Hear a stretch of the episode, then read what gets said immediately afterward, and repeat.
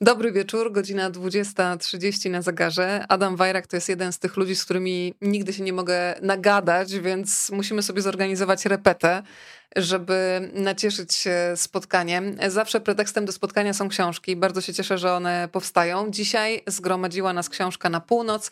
Jak pokochałem Arktykę. I to jest zawsze ten moment, drodzy Państwo, kiedy namawiam do tego, żeby się dzielić tym spotkaniem.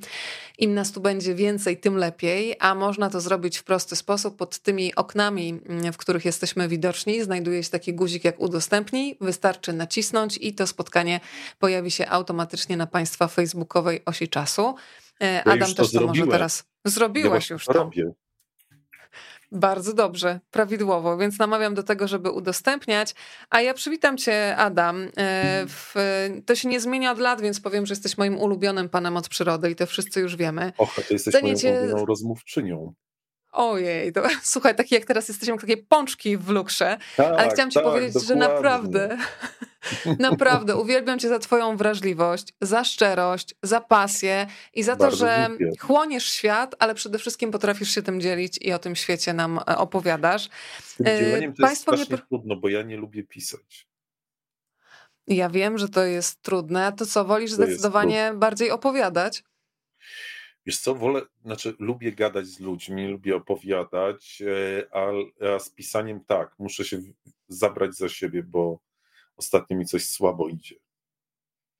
Państwo mnie tak naprawdę tutaj mm, namawiali do tego, żeby w zasadzie zacząć od tego, na jakim etapie jest część druga, bo książka, o której dzisiaj będziemy mówić, Na północ jak pokochałem Arktykę, otwiera trylogię. Mm, więc no muszę więc, być niemiła dobrze, na dobry wieczór dobrze, i zapytać ja o aktualizację. Znaczy, mam duży problem z częścią drugą, z początkiem, bo wszystko w środku tam już jest, już wiadomo. Natomiast e, myślałem, myślałem, byłem pewien, jak pisałem pierwszą część, że mam po prostu pierwsze zdanie części drugiej. E, że będzie to zdanie, pojedziemy na wycieczkę. Ale ono się pojawi gdzieś w środku, bo później zacząłem patrzeć na moje notatki z tamtych czasów E, i się okazało, że ta pierwsza wyprawa na wschodnie wybrzeże Spitsbergenu, taka poważna, wcale się nie zaczęła od tego słowa, tylko jeżeli, jeżeli już coś było takiego, e, takiego tego typu, to było e, Marcin Węsławski powiedział do mnie i do Wojtka, jak wam coś strzeli do głowy, to pójdziecie na południe. Czyli, że wyjdziemy na południe wybrzeże Spitsbergenu i dołem pójdziemy na południe. I myśmy wyszli od niego ze spotkania i stwierdziliśmy, że nam strzeli do głowy, że pójdziemy na południe, pójdziemy trasą migracji polarnych niedźwiedzi, ale kłopot, kłopot mój polega na tym, że nie wiem od której przygody zacząć tą książkę. Miałem kilka przygód, które były takie na granicy utraty życia. Albo takie, znaczy ta, w tej drugiej części już będą takie, takie naprawdę polarne przygody, tak? No i mam kilka takich przygód. Oczywiście wszystkie wynikały z tego, że robiłem jakieś głupie rzeczy bardzo. Nie wiem, od której zacząć. Całą resztę mam, w ogóle proszę się nie martwić. Wszystko mam. To wiesz, może zrobimy jakieś tutaj spotkanie, zebranie konsultacyjne, zaprosimy twoich czytelników, powiesz nam o tych wszystkich przygodach i ułożymy jakiś taki spis e, treści, żeby jednak no nie, przyspieszyć znaczy, tę pracę. Wiesz, wiesz, no jakby jest taka przygoda, kiedy, kiedy podeszły do nas bardzo blisko niedźwiedzie. I myślałem o tej przygodzie, ale też miałem bardzo podobną przygodę z Nurią, od czego chciałbym zacząć e, trzecią część. Była taka przygoda, kiedy dwa razy malnie wpadłem pod lód na środku morza. Była taka przygoda, w czasie której omal nie odpłynąłem z krą gdzieś daleko chemii. Więc to może brzmi zabawnie, ale wyobrażam sobie, że w momencie, kiedy się dzieje, to takie nie jest na pewno. Wiesz co, to jest, to jest bardzo ciekawe. W momencie, kiedy się to wszystko działo, to ja po prostu traktowałem to jako ach, dzieje się, po prostu dzieje się. Ja mam jakąś taką dziwaczną konstrukcję psychiczną, może też tak mają, że te wszystkie że to, że to, że to coś było bardzo niebezpiecznego, docierało do mnie bardzo późno. Na przykład wracałem do Polski, leżę sobie w łóżku zasypiam i raptem myślę sobie o takiej przygodzie, myślę sobie, o w mordę, przecież ja mogłem zginąć. Ale to było, wiesz, to wtedy jest jakiś jakby po, po Czyli prostu... z pewnym opóźnieniem dociera do, do ciebie, co dużym, się działo, tak? Takim, takim, wiesz, na przykład trzymiesięcznym. Chociaż, chociaż... Słuchaj, to już jest... Cho, tak, chociaż raz, raz miałem coś takiego i to będzie w tej drugiej części, kiedy z Wojtkiem Moskalem szliśmy po, lo, po lodzie, po morzu gdzieś na Grenlandii i e, wiesz, i był tak straszny wiatr, że, że po prostu ja, ja, ja lazłem za Wojtkiem na tych nartach, turlało mi te sanki i jedyne co mówiłem, to mówiłem tak, chciałem, żeby Wojtek mnie, znaczy mówiłem to w myślach, ale chciałem, żeby Wojtek to usłyszał i mówiłem, Wojtuś, nie zostawiaj mnie, bo ja tu umrę po prostu. I to, to było jedyny, jedyny raz, kiedy czułem to tak w czasie rzeczywistym. Słuchaj, tu już jest głosowanie. Tomek proponuje, żeby zaczęło się od zdania nie wiem, co nam strzeliło do głowy. Proszę. Nie wiem, czy prośby zostaną wysłuchane, ale no prośbę no to, przekazałam. Ale to będzie gdzieś na początku, na pewno. Natomiast myślę, że zacznę od którejś z tych takich mrożących krew w żyłach przygód.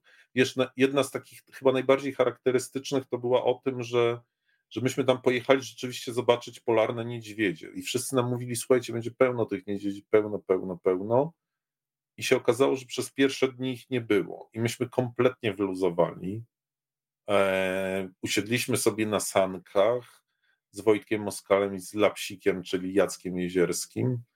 Piliśmy herbatkę, e, jedliśmy czekoladę i to też było bardzo śmieszne, bo zawsze Jacek jest dobrym chrześcijaninem, więc myśmy mu zawsze zabierali tą czekoladę. Z, z Wojtkiem zjadaliśmy nasze, nasze tabliczki od razu, na tam pierwszym, drugim postoju, a na trzecim już nic nie mieliśmy i mówiliśmy lapsik, daj telefon. I ostatni raz już. Więc jakby i był taki moment, kiedy sobie, sobie siedzieliśmy i i w pewnym momencie po prostu, ja to powiem, po prostu Wojtek Moskal podskoczył i powiedział, o kurwa, niedźwiedzie. I po prostu, nie wiem, nie wiem ile one od nas były, 10 metrów, raptem się pojawiły duży, duży młody bardzo i, i duża samica. I później się okazało, że za, za nami stały na takiej bryle lot. Więc jakby, jakby to było takie, kto wie, może zacznę od tego. To wywołałeś Wojciecha Moskala, to ja Państwu zdradzę, że poznałam Wojciecha Moskala online'owo ostatnio, kiedy dzwoniłam do Adama, żeby nagrać go do radia, a Wojciech Moskal akurat postanowił zmywać naczynia w kuchni, tak. co skończyło się takim wielkim gruchotaniem w tle. Ja mówię, Adaś, trochę jednak ciszej, bo w radiu ja muszę mieć czysty dźwięk, ale wiesz, to było wspaniałe. E, powiedzmy niewtajemniczonym, kim jest Wojciech Moskal, bo e, powiem szczerze, że no nie u każdego Wojciech Moskal może zmywać naczynia. No nie, no znaczy Wojtek, znaczy nie, żeby nie było, że ja Wojtka zmuszam człowieka, który jest bohaterem narodowym do tego, żeby u mnie zmywał naczynia, gdzie po prostu bardzo przyjaźnimy. Wojtek przyjeżdża, tutaj przyjechał, żebyśmy, bo knujemy nad następną naszą wspólną wyprawą. Wojtek, e, Wojtek Moskal jest e, człowiekiem, który jest chyba najlepszy, jednym z najlepszych polarników na świecie. Wojtek Moskal zimował w tej, w tej chatce, w której ja byłem, którą znacie Państwo z na północ, to Wojtek tam zimował. Po prostu był tam całą zimę. E, Wojtek e, był, doszedł, na, doszedł z Markiem Kamińskim na biegun północny na nartach, jako pierwsi Polacy to zrobili. Był ekspertem Greenpeace'u i podróżnej zakładania różnego rodzaju stacji polarnych na Antarktydzie, na północy i tak dalej, i tak dalej. Pracował dla Norweskiego Instytutu Polarnego, więc Wojtek Moskal, jak się, jak się idzie na Spitsbergenie, to wszyscy się witają z Wojtkiem Moskalem i, i w ogóle bardzo go podziwiają. Więc Wojtek jest, jest po prostu wspaniałą osobą i osobą, która jak mało która się zna na Arktyce i na lodzie. No ja bardzo lubię bardzo lubię z Wojtkiem jeździć, bardzo lubię z Wojtkiem się włóczyć. E, z nami jeszcze jest Jacek Jezierski, który z kolei jest e, taką osobą, która w swojej młodości co chwila się zabijała, spadała, łamała się, składała, uczyła chodzić. Jest himalaistą i oni są, oni się oczywiście, Wojtek i Jacek się znają z wcześniejszych lat, są troszkę ode mnie starsi, natomiast tworzymy taką zgraną, zgraną paczkę i jeździmy na różne lodowe wyprawy. Albo wycieczki, Słuchaj. bo Wojtek nie lubi słowa wyprawa. Uważa, że wyprawy to były, nie wiem, za czasów Amundsena, Shackletona albo coś, a my jeździmy po prostu na wycieczki. Chociaż niektóre z tych wycieczek, można powiedzieć, jak to mówi Wojtek, są ambitne, na przykład przejście z Kanady na, na, na Grenlandię. To bardzo ambitna wycieczka, a ostatnio w Empiku pamiętam, że sprzedałam ci słowo wycieczka, odcieszenia Wycieczka, się. I pewnie tak. powiedz, czy taką wycieczką była wycieczka po puszczy, bo widzę, że tutaj ktoś ci dziękuję. Pan Zbigniew, witam panie tak. Adamie, podziękowania za spacer po puszczy i za trój palczastego, to powiedzmy niewtajemniczonym, bo mieliście podobno ogromne szczęście, jeżeli chodzi o trój palczastych. Wiesz co, byliśmy na wycieczce z gazety. Gazeta organizuje czasami takie spacery tematyczne dla naszych prenumeratorów, także jak ktoś jeszcze nie jest prenumeratorem, to bardzo zachęcamy. Tak, trochę, trochę nakarmimy y, jakby moich szefów, żeby, żeby, się, żeby, żeby też coś mieli z tej naszej rozmowy. Więc jakby to jest dla prenumeratorów gazety. To była taka wycieczka po puszczy, którą ja chciałem, chciałem pokazać ludziom problemy, jakie ma puszcza w tej chwili. I z jednej strony, jak dobrze się tu dzieje z tego powodu, że nie ma cięć, z drugiej strony, jakie mamy mm, kłopoty, na przykład związane z tym, że wybudowano ten przeokropny mur na granicy, który tak naprawdę nie rozwiązuje żadnych problemów, bo, bo ludzi uciekających przed wojnami nadal w lesie jest dużo, a, a przyroda naprawdę jest solidnie zniszczona. Więc sobie szliśmy i jest taki ja nawet tutaj mam tak, wyciągnąłem, wiesz, mam taką gazetę, nie wiem, czy ją widać. O, o czy puszczę to... zjedzą korniki? Pytanie. Tak, tak, dokładnie. To jest, słuchaj, to jest y, kurier poranny z 2008 roku i moich e, spacerowiczów cudownych zabrałem do kawałka puszczy, która się nazywa Wysokie Bagno. I wtedy w 2008 roku w tej gazecie leśnicy pisali, że tam nie będzie ani jednego świerka na tym wysokim bagnie. A teraz, jak się tam wchodzi, to jest po prostu jedna wielka świerkowa gęstwina. Jest trochę martwych świerków, a na tych martwych świerkach co jest jeden z najrzadszych dzięciołów, czyli dzięcioł trójpalczasty. Ja nie sądziłem, że my, my je zobaczymy, bo jeszcze jest troszkę wcześnie e, i e, wchodzę, jakiś bardzo sprawni obserwatorzy byli wśród spacerowiczów, coś bębni, bo, bo dzięcioły w czasie okresu godowego bębnią, coś bębni w drzewo, ja biorę lornetkę, patrzę, a to jest taki charakterystyczny bardzo taki miśkowaty kształt, bo te trójpalczaki są takie miśkowate, takie w sobie. No i oczywiście mają trzy palce, żółtą czapeczkę, ale tego na początku nie widziałem. Czyli najrzadszy, jeden z najrzadszych dzięciołów i, i taki dzięcioł, który się świetnie nadaje na jakby symbol Puszczy Białowieskiej, bo on jest związany z, e, z lasami naturalnymi, z lasami, gdzie jest, jest dużo martwych drzew, martwych świerków przede wszystkim, albo, albo sosen, albo jod.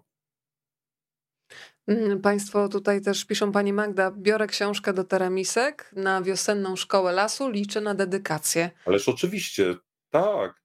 Każdy, wszyscy moi czytelnicy doskonale wiedzą, że mogą zawsze przyjechać. Teremiski 14 i, i ja tutaj przy bramce podpisuję. Niektórych lolek wpuszcza na podwórko, niektórych nie wpuszcza, e, ale bardzo, bardzo zapraszam i podpisuję, co tylko Państwo chcecie.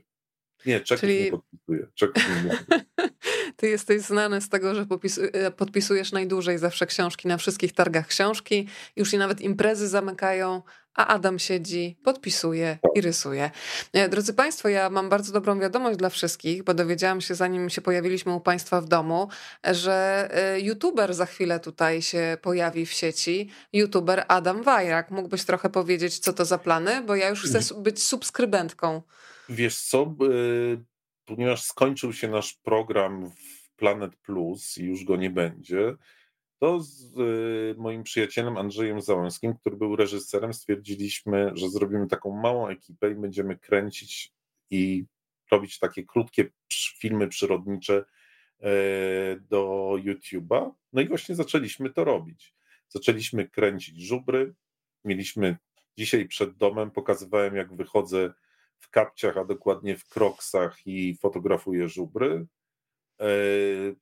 Jest masa przecudownych ptaków w tej chwili w ogrodzie, bo jest, wiesz, takie pomieszanie, trochę zimy, trochę wiosny, więc już szpaki śpiewają, ale wciąż są gile, które zjadają tutaj pączki różnych drzew, są e, czyże, jest po prostu masa, masa taki miszmasz cudowny ptasi, więc to też kręcimy.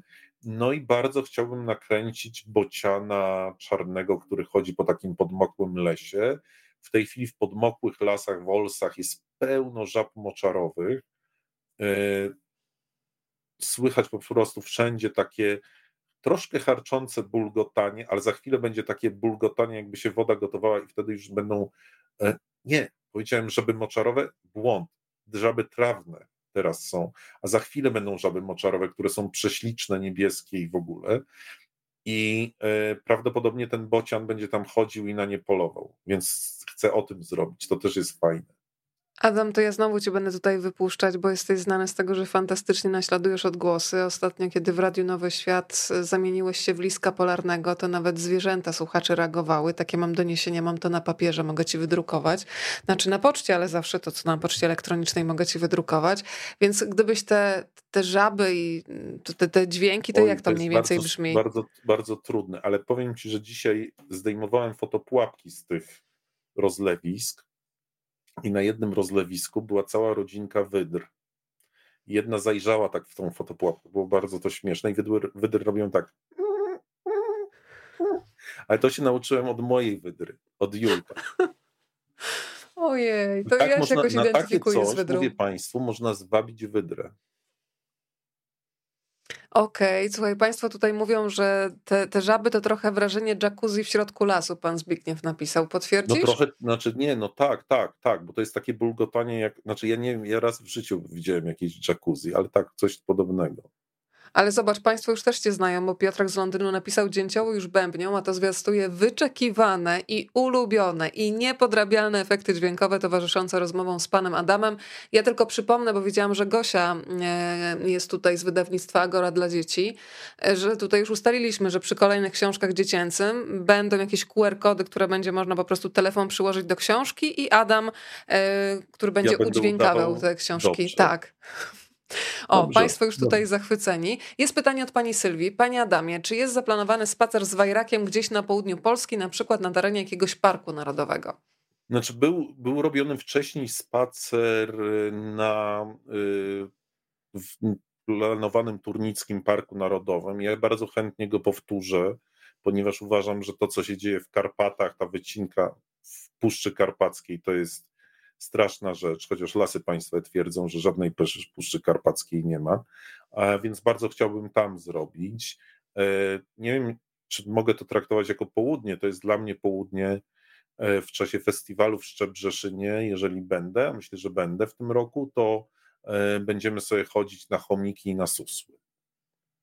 Chodziliśmy na chomiki. I na susły. Tak. Jakoś mi się takie zdanie tutaj wyświetliło. Słuchaj, Adaś, jak sobie radzisz z, taką, z takim morzem sympatii? Proszę, pozdrowienia z Filadelfii. My tutaj no, pana. Adama uwielbiamy. Powiedz, y, jak jesteś na takich targach, jakie takie najpiękniejsze prezenty albo słowa dostajesz od ludzi? Bo na pewno jest jakiś taki magazyn, taki mentalny w głowie, gdzie sobie to wszystko czy, chowasz, ale też prezenty. Tak, tak. Ja tu mam gdzieś, nawet gdzieś mam go, już gdzieś tutaj był, gdzieś tam jest na półkach. Na przykład mam pluszowego kornika. O, a, ale on jest gdzieś, widzisz go w zasięgu wzroku? Właśnie nie, wiesz co, ja go nie widzę, nie wiem czy, czy Nuria go gdzieś nie przestawiła, bo on ostatnio był w złym stanie. To pokaż Antonię, którą mi pokazywałeś przed, zanim się... Bo ja... pokazać, a pokaż wszystko, co tam tylko chcesz. Ale pokażę ci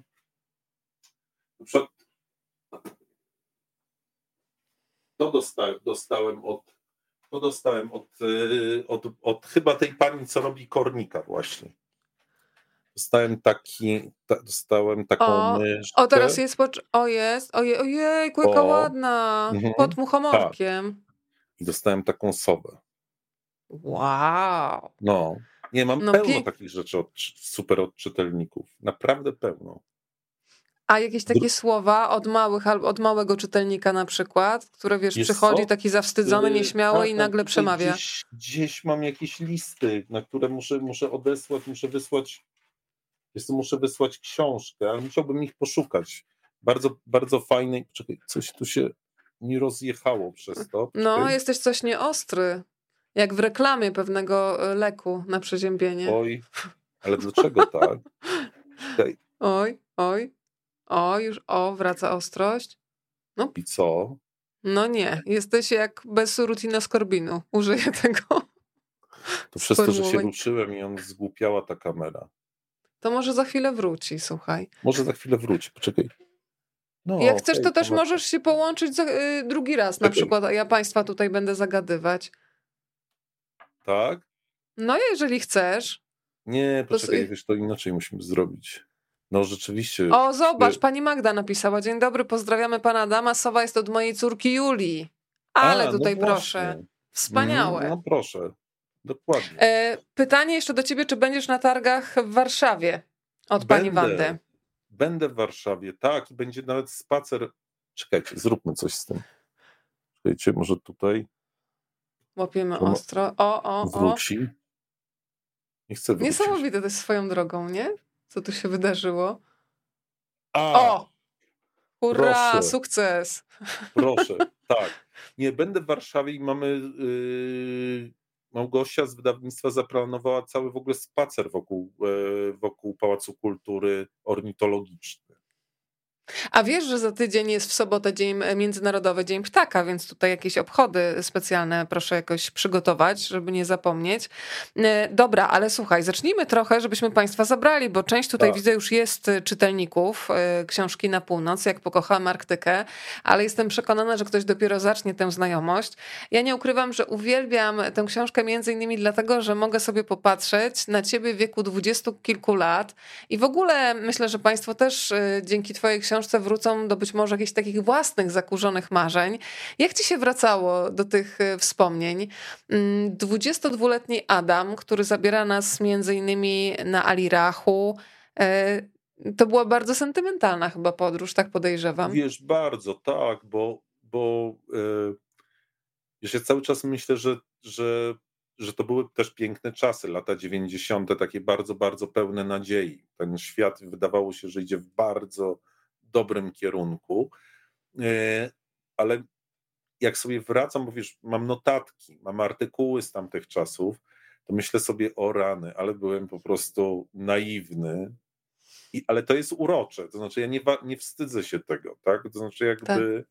jakby fajnie, że byłem naiwny, fajnie, że miałem jakieś swoje wyobrażenia, jakieś e, zupełnie zupełnie nierealne i dziwaczne, więc jakby, jakby miło mi się z tym chłopakiem, który miał 22-23 lata, koresponduje w tej chwili. To nie jest coś takiego, co, co jest jakimś obciążeniem dla mnie, czy, czy czymś takim, że, że czegoś się wstydzę, że, że robiłem jakieś naiwne rzeczy albo głupie, tylko, tylko myślę, że właśnie bardzo, bardzo okej, okay, że je robiłem, że bardzo dobrze, że, to, że tak jest, więc, więc to jest prześmieszny powrót no wiesz, powrót jest też e, do tych wszystkich rzeczy, gdzie ja sobie myślałem po prostu o, wiem, jakieś swoje wyobrażenia o Arktyce, o zwierzętach, o, o przygodach i, i, trochę, i trochę się okazywało, że jest inaczej. Znaczy, najfajniejsze było to chyba, że wiesz co, że chyba nie było w tym. I chyba to jest taki czas, gdzie ja się ukształtowałem, że stwierdziłem, nie ma się co napinać. O, a to szybko w sumie, bo wiesz, niektórym, że tak powiem, mhm. ten kijek wychodzi z pewnego miejsca w ciele bardzo późno, a niektórym to nawet w ogóle nie wychodzi. No tak, Są tak wiesz, spięci całe życie. Z Arktyką, tak, ale to zetknięcie z Arktyką właśnie pokazało mi, że nie ma się co napinać. Słuchaj, ja mam tutaj też bazę zdjęciową, przeuroczą. To będę od czasu do czasu Państwu serwować, żeby nie być egoistką. E, to przedstaw tutaj jego mościa, którego trzymasz bardzo delikatnie w dłoniach i on nawet mam takie wrażenie, że całkiem bezpiecznie się czuje u ciebie. Wiesz, to jest, to jest młody nużyk e, i nużyki, nużyki są są ptakami, które gnieżdżą się wysoko na takich skalnych ścianach, bardzo, bardzo, bardzo, bardzo wysoko. One składają jedno jajo, mają jedno młode co roku i w pewnym momencie, to jest początek sierpnia albo koniec lipca, te młode skaczą po prostu i to jest takie skoordynowane dość, więc skaczą takimi całymi, można powiedzieć, częściami tej kolonii, takimi departamentami. Leci, leci tych nużyków bardzo dużo, mówi się na to deszcz nużyków. E, one nie potrafią latać wtedy, więc jakby, jakby mają tylko swoje takie ledwo opierzone skrzydełka, nóżki, płetwy mają roz, rozczapieżone, żeby zwiększyć tą powierzchnię ślizgową i lecą, lecą, lecą, lecą po prostu z takim świstem, zanim leci ojciec, jak, jakiś tam ktoś z rodziny i oczywiście chodzi o to, żeby ten mały nóżyk wpadł do morza, bo wtedy jest bezpieczny, odpływa z tatą gdzieś tam dalej i, yy, i, sobie, i sobie dorośleje. Natomiast duża część z nich spada na lądzie, no i oczywiście lisy polarne, chociaż wtedy nie, nie widziałem tam lisów polarnych, później to widziałem na, w innych miejscach na Spitsbergenie, ale wiesz, mewy, blade i tak dalej, tam jest po prostu rzeź jak przy małych żółwikach, które biegną sobie po wykluciu z jej. Ja oczywiście jestem ja jestem za tym, żeby nie ingerować w przyrodę, żeby nigdy w życiu tego nie robić, że to, że to jest złe, ale dokładnie tak jak mówisz, to jest trochę tak, że człowiekiem targają emocje. Ja nie mam zamiaru tego ukrywać, więc ja parę razy pognałem, złapałem tego nożyka i po prostu ciskałem go do wody, żeby go mewa nie zjadła. Oczywiście tam najczęściej one, one później te mewy jakoś je i tak zjadały. Wiesz, yy, i był taki jeden nóżyk, który ja go wrzuciłem do wody, a on zamiast płynąć gdzieś tam do tego swojego rodzica, czy, czy, czy do swojej rodziny, czy w ogóle coś, on po prostu wychodzi i biegnie mi pod nogi, pi, pi, pi, pi, pi, pi, pi, ja go łapię, one jest jeszcze potwornie śmierdzą, takim, takim olejem, takim tranem, po prostu to jest straszny smród, więc to wymaga samozaparcia. Ja go znowu do tej wody i on po prostu znowu za mną, ja po prostu zrezygnowany, poszedłem pod chatkę, on przyszedł za mną, i tak sobie staliśmy. Ja do niego mówiłem: idź już, po prostu nie jestem twoim ojcem.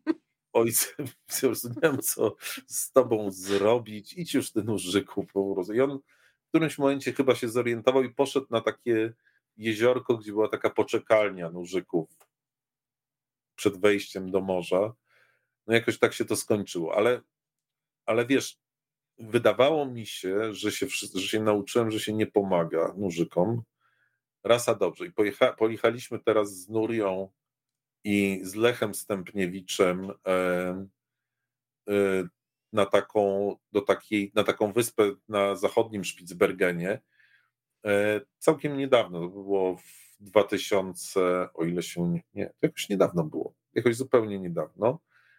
I znowu się zaczęły skoki nużyków. I ja oczywiście, jak tylko zobaczyłem, że jakieś, nie wiem, mewy gonią do mojego, pobiegłem, chwyciłem, wrzuciłem do wody, on popłynął, mewa go złapała, wyniosła na skałę, jakąś blisko brzegu, przyleciała inna mewa, pokłóciły się o niego, a ten nóżyk tak stał, po prostu się gapił na to, bez, jak jakiś stał i się gapił, jak się kłócą dwie mewy, czy go, która ma go zjeść, w końcu przyszedł lisek i go zjadł.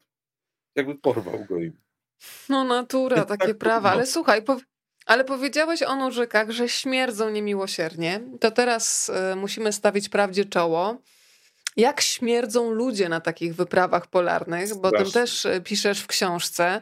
E, no, zresztą myślę, że można sobie wyobrazić, a każdy z nas tę wyobraźnię pewnie ma bogatą, jeżeli sobie człowiek uzmysłowi, jak często, albo nazwijmy rzeczy wprost, jak rzadko bierzecie prysznic. Więc chwila prawdy, to jest twoja chwila prawdy, Adam. Znaczy jest chwila, znaczy jest jedna, znaczy ja tego nie napisałem w książce na północ, ale trochę, to mi było głupio trochę już naprawdę, ale mam taką notatkę z sierpnia. Zaczynam się bać. Z sierpnia, czyli po miesiącu, czy jakoś tak, bo bycie w chatce i napisałem wreszcie umyłem zęby. więc, wiesz, po miesiącu. coś takiego, tak, albo po trzech tygodniach. Mhm. Mam nadzieję, że twój stomatolog tego nie słyszał. Nie, moja... nie dostarczę mu tego. Nie, moja pani stomatolog najfajniejsza Zofia Bołtromiuk zwana Jałdosią, która co chwila daje mi takie nalepki, najdzielniejszy pacjent. Bardzo pod, pozdrawiam Jawdosiu. E, pani stomatolog z Hajnówki.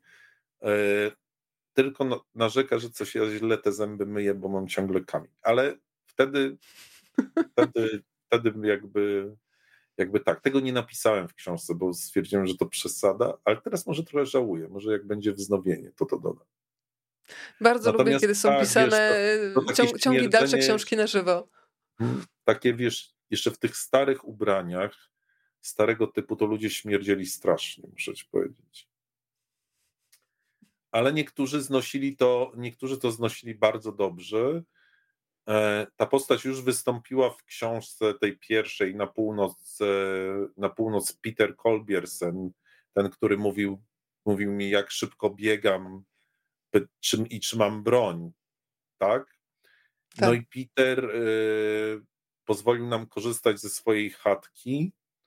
I jak wróciliśmy z Wojtkiem z tego przejścia wschodniego Spitsbergenu, to po, pamiętam, chyba po, było naprawdę ponad, chyba prawie dwa miesiące, tak, w ubraniach prawie tych samych. Myśmy na środku salonu w tej chatce zrzucili po prostu się te ohydne, śmierdzące po prostu ciuchy i założyliśmy nowe i poszliśmy do miasteczka na życie towarzyskie. Wracamy i widzimy, że przy chatce jest Peter, który właśnie przyjechała do niego rodzina z Norwegii i Peter do nas podjeżdża na skuterze i mówi spaliłem te wasze ciuchy. A myśmy, a my tak, a my nie, nie, żartowałem, zgarnąłem je tylko w róg. I tyle. Jeżeli już zrzucać to w rogu, a nie na środku salonu. Tak. Taki wniosek. Jeszcze pozdrowienia od pani Ewy, która napisała filmy pana Adama są takie uspokajające. Oglądam, żeby się wyciszyć. A filmy o pójczkach, czy w tej wiosce, gdzie pan mieszka, obserwacje przyrody, takie pełne szacunku, Wajrak to stan umysłu. Bardzo mi się podoba Oj, ten komentarz, więc bardzo, od razu tak, przekazuję. mam nadzieję, że, że, że będą państwo z przyjemnością oglądali ten kanał na YouTubie też. A kiedy on wystartuje? Powiedz, kiedy premierę zaplanowaliście? Nie wiem, nie wiem, bo na razie wiesz, mamy dwa tematy, z którymi, które musimy nakręcić i to, to trochę jest z tym, z tym jest tak, że my po prostu musimy wkładać w to dużo pracy, bo to jest praca ze zwierzętami, więc jest bardzo dużo rzeczy nieprzewidywalnych. Chciałbym wam pokazać, jak żubry jedzą za wilce i chciałbym spróbować wam pokazać tego bociana czarnego, jak je żaby. O, to ciekawe będzie. Pani Zosia pisze, że ma wszystkie chyba książki twoje. Kupuje też kalendarze, które rokrocznie wiszą w sali lekcyjnej. Zarażam dzieci Adamem. Uwielbiają słuchać opowieści o zwierzętach. Cieszę się, że na YouTubie będą przyrodnicze filmiki. Wszystkie dostępne już obejrzeliśmy. Czyli przyjemny stan wyczekiwania już, już się uruchomił. Y, to powiedz mi, powiedziałeś o tym nużyku, który cię wziął za swojego ojca. To wróćmy do twojego taty i do lektur, które ci serwował, kiedy byłeś y, małym Adasiem bo tam sporą e, pracę dydaktyczną wykonała i babcia, i tato, tylko babcia miała trochę inne lektury, a tato trochę inne ci proponował. No oczywiście babcia zaczęła od potopu. Ja strasznie bronię, bardzo bronię zawsze, bo wszyscy się, jak, jak słyszą Boże Sienkiewicz, to, to się bardzo oburzają i mówią ojej, no ale to taka, taka po prostu z, w złym guście patriotyczna literatura, a ja uważam, że to są znakomite książki przygodowe po prostu. Że, że, że Sienkiewicz nie należy go traktować jeden do jeden, tylko po prostu myśleć sobie o tym, że to są książki przygodowe. Moją dotąd ulubioną książką jest Potop. I, I uważam, że nie wiem, że postać Kmicica, który popełniał błęd, bo oczywiście Skrzetuski, nuda, po prostu pan Wołodyjowski, nuda, flaki z olejem, po prostu coś strasznego. Longin podpięta, o Boże, co za nuda, ale Kmicic, super, po prostu super. Zabijaka jak z dzikiego zachodu. Więc jakby, jakby to była taka pierwsza książka, którą przyjąłem, nie przeczytawszy jej, tylko babcia mi ją czytała. A później z tatą e, czytaliśmy, i to tak na zmianę trochę tata mi czytał, trochę ja, ja czytałem, wiesz, Londona, Hurwooda, całą trylogię. E, po czym się przerzuciłem bardzo szybko, jeszcze gdzieś tam Karol Maj zamajaczył, e, chociaż to nie jest taka bardzo północna książka. I później bardzo szybko się przerzuciłem na Centkiewiczów i na te wszystkie książki o Nansenie, o Mundsenie, e, o, przeczytałem oczywiście Wyspę Mgieł i Wichrów, no i później się okazało, że pierwsza, pierwsza wyprawa w Arktykę, taką prawdziwą Arktykę, to była właśnie na wyspę Mgieł i Wichrów, czyli na wyspę Niedźwiedzią. To zaraz na tę wyspę pojedziemy wspólnie. Tutaj jeszcze są pewne sugestie z Londynu. Czy nożyki odczuwają zapachy? Może to by wyjaśniało, dlaczego usilnie biegł w pana stronę. Znaczy bardzo długo, ja nie wiem czy nużyki akurat, ale bardzo długo myślano, że w ogóle ptaki nie mają węchu, a później się okazało, że to nieprawda, że, że potrafią świetnie węszyć.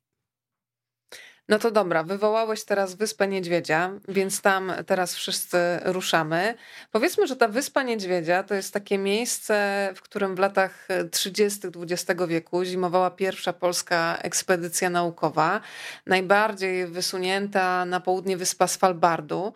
Mm, co jeszcze o tej wyspie możemy powiedzieć i jakie ty miałeś wyobrażenia, oczywiście zbudowane na podstawie tego, co przeczytałeś i na ile to, co sobie wyobraziłeś w głowie, czy co znałeś ze zdjęć, pokryło się z tym, czego doświadczyłeś, kiedy tam przyjechałeś? Jest to trudno sobie wyobrazić, bo w książce Centkiewicza tam są zdjęcia, przynajmniej w tych wydaniach, które ja miałem, ale one są czarno-białe. One mhm. są czarno-białe, to są zdjęcia przedwojenne, Jedyne, co mi utkwiło w pamięci, to, to z tej książki Centkiewicza, to taki konik, który jadł mewy. Po prostu był tam w tej norweskiej stacji polarnej. Kompletny absurd. I to zawładnęło moją wyobraźnią zupełnie, więc ja pamiętałem tylko tego konika, który wsuwał te mewy. I, e, i wiesz, i jakby jak zaczęliśmy, znaczy ja dopłynąłem do Wyspy Niedźwiedzi nieprzytomny, zupełnie, ponieważ był sztorm i po prostu omal się, no nazwijmy to po prostu, omal się nie zażygałem na śmierć. To, to było coś po prostu, coś strasznego. Coś Ale pierwszy tak... raz to był taki hardcore wtedy? Nie, no to był, znaczy wiesz, to było pierwszy raz i później się okazało, że ostatni raz, ale po prostu było coś strasznego. Ja myślałem, że że po prostu, że umrę, no, że po prostu, że to już koniec, że wiesz, po prostu wydawało Ale miałeś się, takie że... myśli, po co mi to było? Do tego stopnia, nie, że żałowałeś, nie, że znaczy pojechałeś? Na początku byłem, na początku jeszcze miałem jakieś myśli, a później już nie miałem żadnych myśli. Po prostu leżałem na koju, umierałem, czy nie pamiętam już, czy nade mną, czy pode mną leżał z czeski nurek polarny i też umierał i, i po prostu, wiesz, jakby jakby to było, to był koszmar po prostu. Jeden, ja myślałem, że zwróciłem wszystko, co jadłem i nie jadłem w ciągu całego życia, w ogóle coś strasznego. I, I w pewnym momencie ten statek stanął, zatrzymał się i myśmy z tego zaduchu, tego wszystkiego wyszli na pokład. Było bardzo rzeźko i zobaczyliśmy coś, co wyglądało wiesz, jak wtedy nie było władcy pierścieni, tak? Więc jakby najbliższe, co mogło mi się porównać, czym było to jak, jakkolwiek porównywalne, to nie wiem, czy Państwo pamiętacie bliskie spotkania trzeciego stopnia i tam taka góra była. Taka ścięta. Mhm. No to właśnie tak, coś takiego. I tam mgła po prostu pionowe, wielkie ściany, pełne ptaków. No, no coś nie, niesamowitego, bo właściwie to właściwie to nie, to wygląda, to, to naprawdę to zetknięcie z Wyspą Niedźwiedzią było takie, że to w ogóle jakby zaprzeczało jakimkolwiek wyobrażeniem o Arktyce, jakie miał. Że to jest po prostu tak bogate i tak monumentalne też, bo wydawało mi się, że Arktyka to jest lód i skała i koniec. A tu mhm. raptem po prostu ściany, które mają po 400 metrów wysokości, jakieś iglice, jakieś jaskinie i pełne ptaków. Po prostu wszystko to gadało, po prostu gadało, gadało, gadało. Czasami się zasnuwało. Najciekawsze było to, że to w ogóle nie było kolorowe. to było w iluś tam odcieniach szarości, różnej szarości, może gdzieś tam odrobinę jakiejś zieleni, ale nie było kolorowe. Zostało mi w głowie to, co mi powiedziałeś w Empiku, że ty się bardzo dobrze odnajdujesz w takich krajobrazach, gdzie właśnie nie ma zbyt wielu bodźców. Na przykład w Afryce miałeś problem, żeby się na czymś skoncentrować. Tam chyba mówiłeś o jakiejś ryjówce fantastycznej, tak? Dobrze tak. pamiętam na Zanzibarze. Tak, tak, tak jest. To jakby... No mów, mów o tej ryjówce. Wiesz, no, no mam, bo wiesz, jestem dyslektykiem. Jak na przykład, wiesz, dlatego lubię, jak piszę, to lubię proste zdania nie, nie naćkam ci tam, wiesz, 20-30 przymiotników, bo po prostu widzę 20-30 przymiotników w zdaniu, to raptem nie wiem już o co chodzi w tym zdaniu i po prostu i tak samo jest, wiesz, jakby najbardziej lubię takie momenty tutaj w puszczy, kiedy ona jest taka ogarnialna, właśnie zima, o Jezu, jak ja lubię zimę za to, że, że po prostu, wiesz, jest, jakby słyszysz jest cisza w lesie i tylko gdzieś tam się odzywa kruk i jakieś takie, jedynym dźwiękiem jest delikatne stukanie dzięcioła. Ja czasami naprawdę myślę, że to przez te moje, moją dysleksję i dysgrafię, że po prostu nie, nie, ilość, duża ilość bodźców męczy bardzo. I Afryka tak, oczywiście, no pewnie, pełno tego, pełno tamtego, ale po prostu raptem ta ilość gatunków, których nie można nazwać. Ja mam kłopot tutaj, żeby nazwać różne gatunki mi się wszystko A ta ryjówka Już... z Zanzibaru, dlaczego była taka niezwykła? Bo ona, bo ona była wielką ryjówką i była w anarchistycznych kolorach. Była czerwono-czarna. A wielka to znaczy jaka? Taka. I, jak? Tak. Taka. Po prostu no, taka to wielka. wielka. A zwykle ryjówki są takie malutkie. Mhm. I zasuwała, z tym, zasuwała tak strasznie szybko i z takim, ja taki ryj po prostu. To jest któraś z ryjówek sło, słoniowych albo słoniowatych, ale na Zanzibarze jest taka, taka bardzo specjalna. Więc ja się, wiesz, jakby odłączyłem sobie te wszystkie ptaki, które tam były, te fantastyczne rzeczy, i się skoncentrowałem na tej ryjówce i to mnie uratowało. Ale nie zrobiłem jej zdjęcia. Ale już, już jestem blisko, już wszystko mam opracowane, więc jak tam wrócę, to zrobię zdjęcie ryjówce. Plan na ryjówkę już jest opracowany, to my słuchajcie, wracamy teraz do chatki pod górą Wrzasku. Bardzo lubię tę perspektywę, bo naprawdę się trzeba mocno y, przypatrzeć, żeby zobaczyć w dolnym prawym rogu no, takie rozkle, rozklekotane coś. O, nawet tak bocianie jakaś metafora się tu pojawiła. No tak. e, bo, bo ta budka naprawdę wygląda jakby delikatny podmuch wiatru i za chwilę będzie po niej. Jak się tam można no, czuć bezpiecznie? Wiesz co, e, ja się czuję bezpiecznie, ale mam takie zdjęcie Nuri, jak przywiozłem kiedyś Nurię do tej chatki i, i Nuria stoi w środku i ma takie, takie takie oczy po prostu, takie jest w stylu o kurczę, gdzie on mnie przywiózł. Po prostu no nie. No nie, już w wielu miejscach, zupełnie do wielu ją zabierałeś. Tak, ale to było jakby, wiesz, więc jakby też, jak pierwszy raz zobaczyłem chatkę, to, to było takie, o kurczę, bo, bo to nie była, wiesz, taka traperska chatka, wiesz, z filmów o traperach, z książek o traperach, nawet z tych z tych kurłudów, bo ja pamiętam, że w tych kurłudach to ona zawsze była z jakichś bali ciosanych, z czegoś, a tu taka bida chatynka obita papą, ale to jest prawdziwa traperska chatka. Tutaj, wiesz, w tej chatce e, ją używała Wany Wolstad, taka jedyna kobieta traperka, albo pierwsza kobieta traperka na Spitsbergenie. E, I i ta chatka, znaczy dla mnie, dla mnie na początku było, było to coś dziwnego, tylko wiesz, ja tam wsz, jak wszedłem do niej po wielu perypetiach, bo tam trzeba, trzeba jakby przejść te wszystkie zabezpieczenia, które nie pozwalają niedźwiedziowi wejść, więc tam te takie bele, zdjąć drzwi, jedne, później drugie drzwi, ja nie za bardzo wiedziałem, bo tam jest taki system z liną, trzeba włożyć rękę przez, przez małe okienko, wyciągnąć linę, odblokować, ale pierwsza rzecz, którą zobaczyłem, to była kartka ona nawet mi upadła gdzieś tam i ja ją podniosłem. To była kartka z, z Solidarności z czasu z podpisem Wojtka Moskala. Ja już wtedy Wojtka znałem i w ogóle podziwiałem i w ogóle już e, wiedziałem, że będzie moim mistrzem polarnym. E, I jak zobaczyłem tą kartkę, to pomyślałem, oho, jestem w domu, jestem tu, gdzie powinienem być.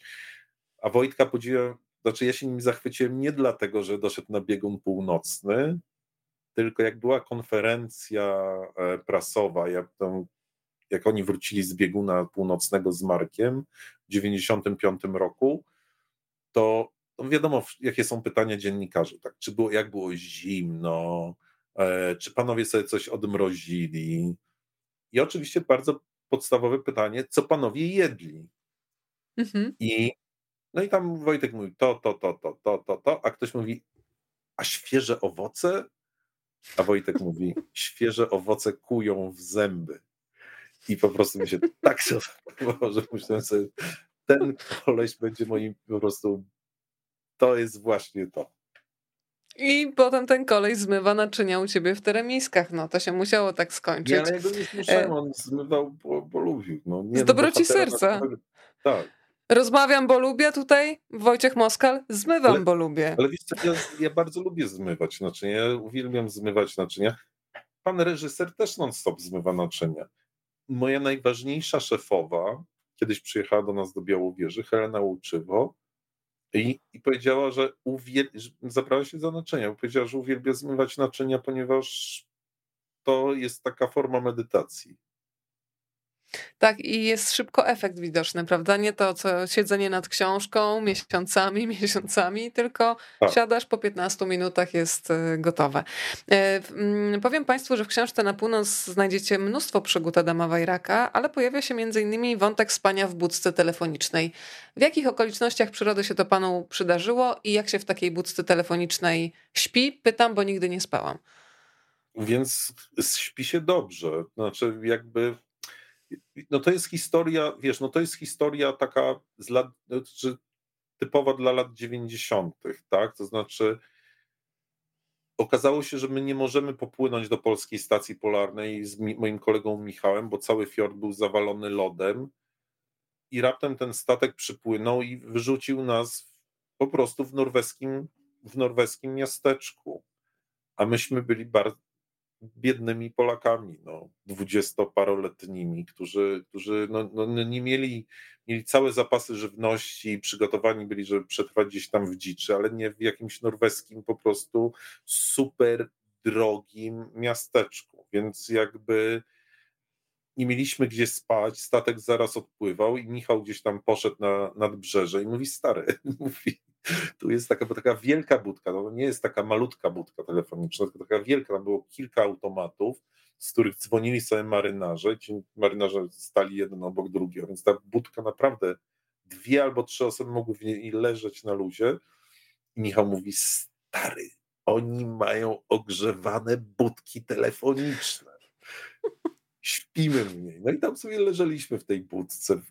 Wiesz, było to bardzo, bardzo, bardzo fajne i ja to wspominam, znaczy te czasy, kiedy, nie wiem, spałem sobie w budce telefonicznej e, w Longyearbyen albo na tekturze na dworcu kolejowym w Wiedniu pod schodami ruchomymi, bardzo sobie cenię ten czas.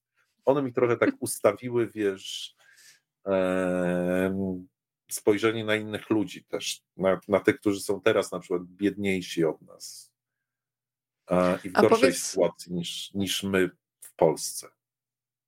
A powiedz, Adam, tak się zaczęłam zastanawiać, y, kiedy miałeś na przykład 16-15 lat, bo sama ostatnio się śmiałam z siebie, kiedy obchodziłam urodziny. Stwierdziłam, że wydawało mi się zawsze, że w tym wieku to ja będę chodzić w garsonkach i będę mieć dwójkę dzieci. No jest inaczej, ale jest dobrze. E, I się zaczęłam zastanawiać, e, co ty miałeś na przykład w głowie, jak miałeś 15-16 lat, jak sobie wyobrażałeś siebie na przykład jako, nie wiem, 40-latka.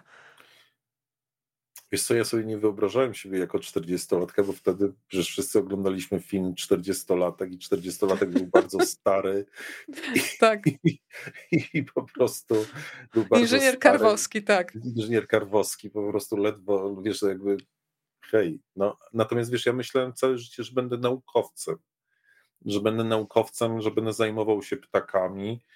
E, wydawało mi się, że będę prowadził, że będę miał taki swój wewnętrzny wewnętrzny świat. Czasami myślałem, że ucieknę na zachód, że wiesz, że wydawało mi się, że, że, że ben, trzeba będzie zwiać, e, ale później to się jakoś strasznie szybko zawaliło i zmieniło. No i przez przypadek zostałem dziennikarzem Gazety Wyborczej i się okazało, że, że, że jakoś udaje mi się pisanie i, i chociaż tak jak mówię, cały czas mówię, nie, nie, nie jest to moje ulubione zajęcie pisać. Uważam, że pisanie jest straszną męką. E,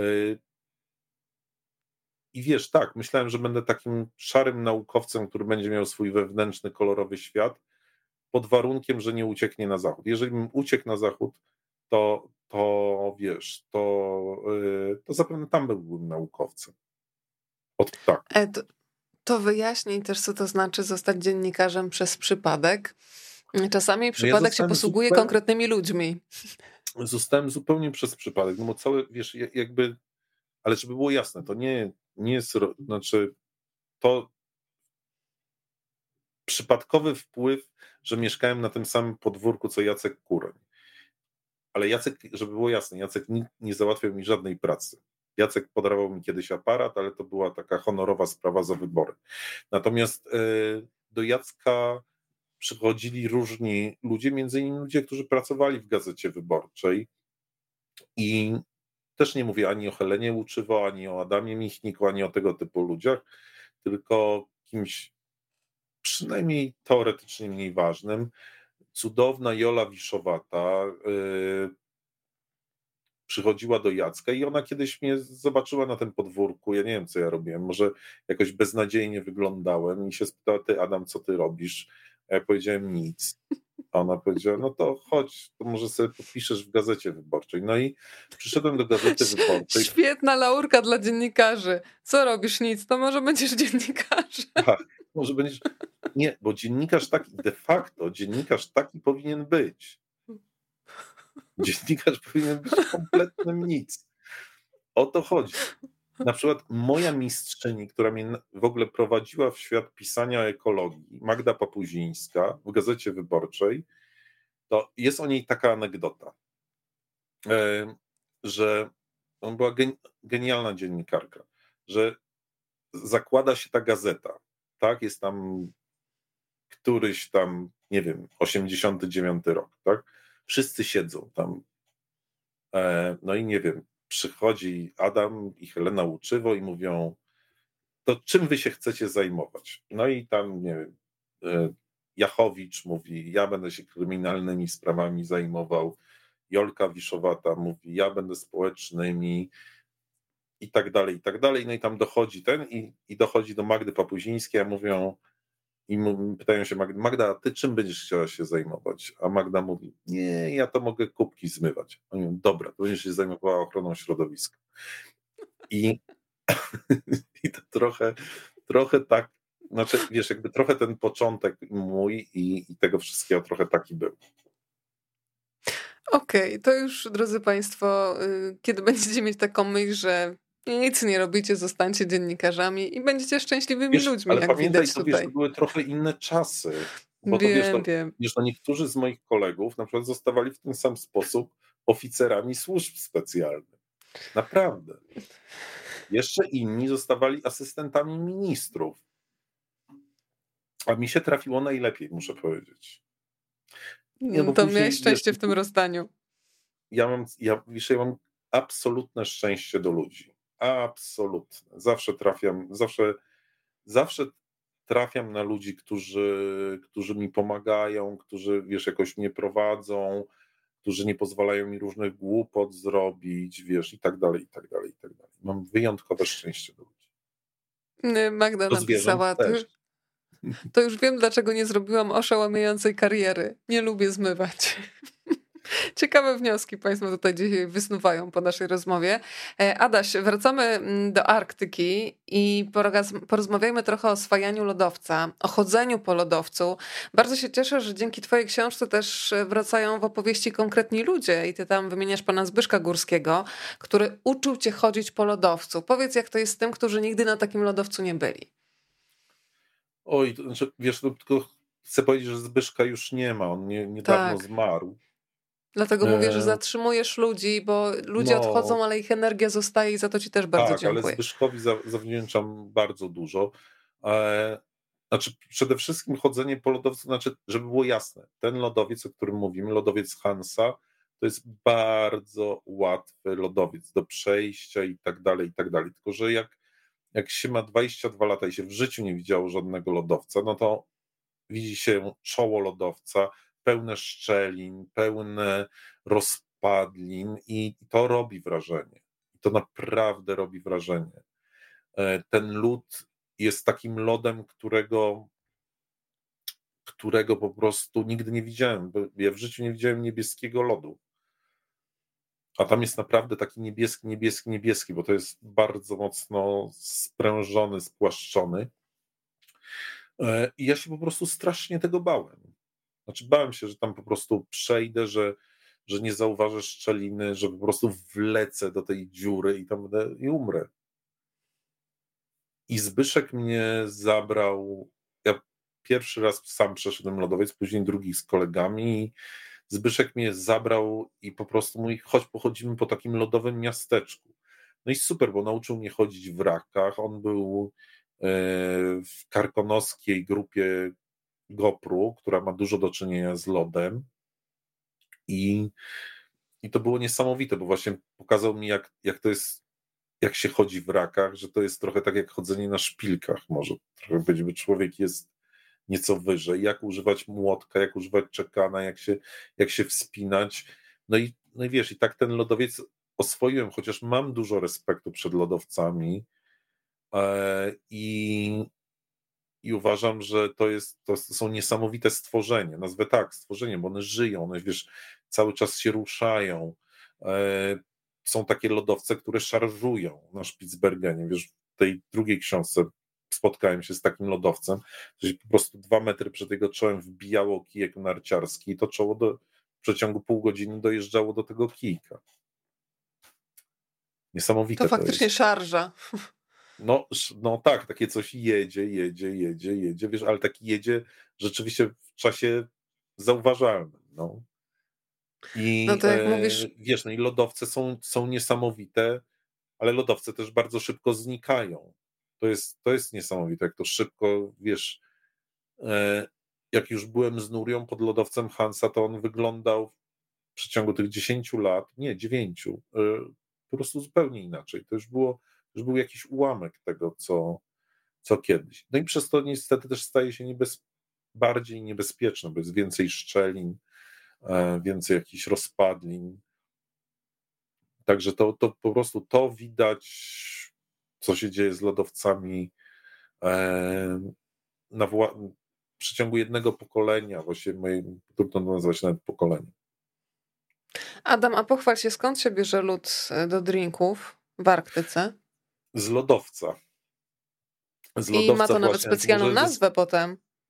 Słucham? I podobno nawet specjalną nazwę mają te drinki. No tak, drinki z pierdami mamuta, bo to, to jest, wiesz, to jest e, po prostu z powietrza, tam są bąbelki, ten, ten, ten lód strzela w drinkach, jak się go pije, e, to strzela w drinkach i to, i to wiesz, naprawdę jakby była mała strzelanina w szklaneczce, ale wiesz co, to może zaspoileruję teraz tą e, drugą książkę, e, jak przeszliśmy z Kanady na Grenlandię, to wracaliśmy na Grenlandię, jest wielka amerykańska baza w Tule. E, gigantyczna po prostu, właściwie amerykańskie miasteczko rzucone po prostu w Arktykę, w Grenlandię z, ze wszystkim, z halami gimnastycznymi, z żółtymi autobusami i tak dalej, i tak dalej, i tak dalej. I Wiecie, co było dla nas, dla mnie i dla Wojtka największym szokiem, co myśmy tam zobaczyli?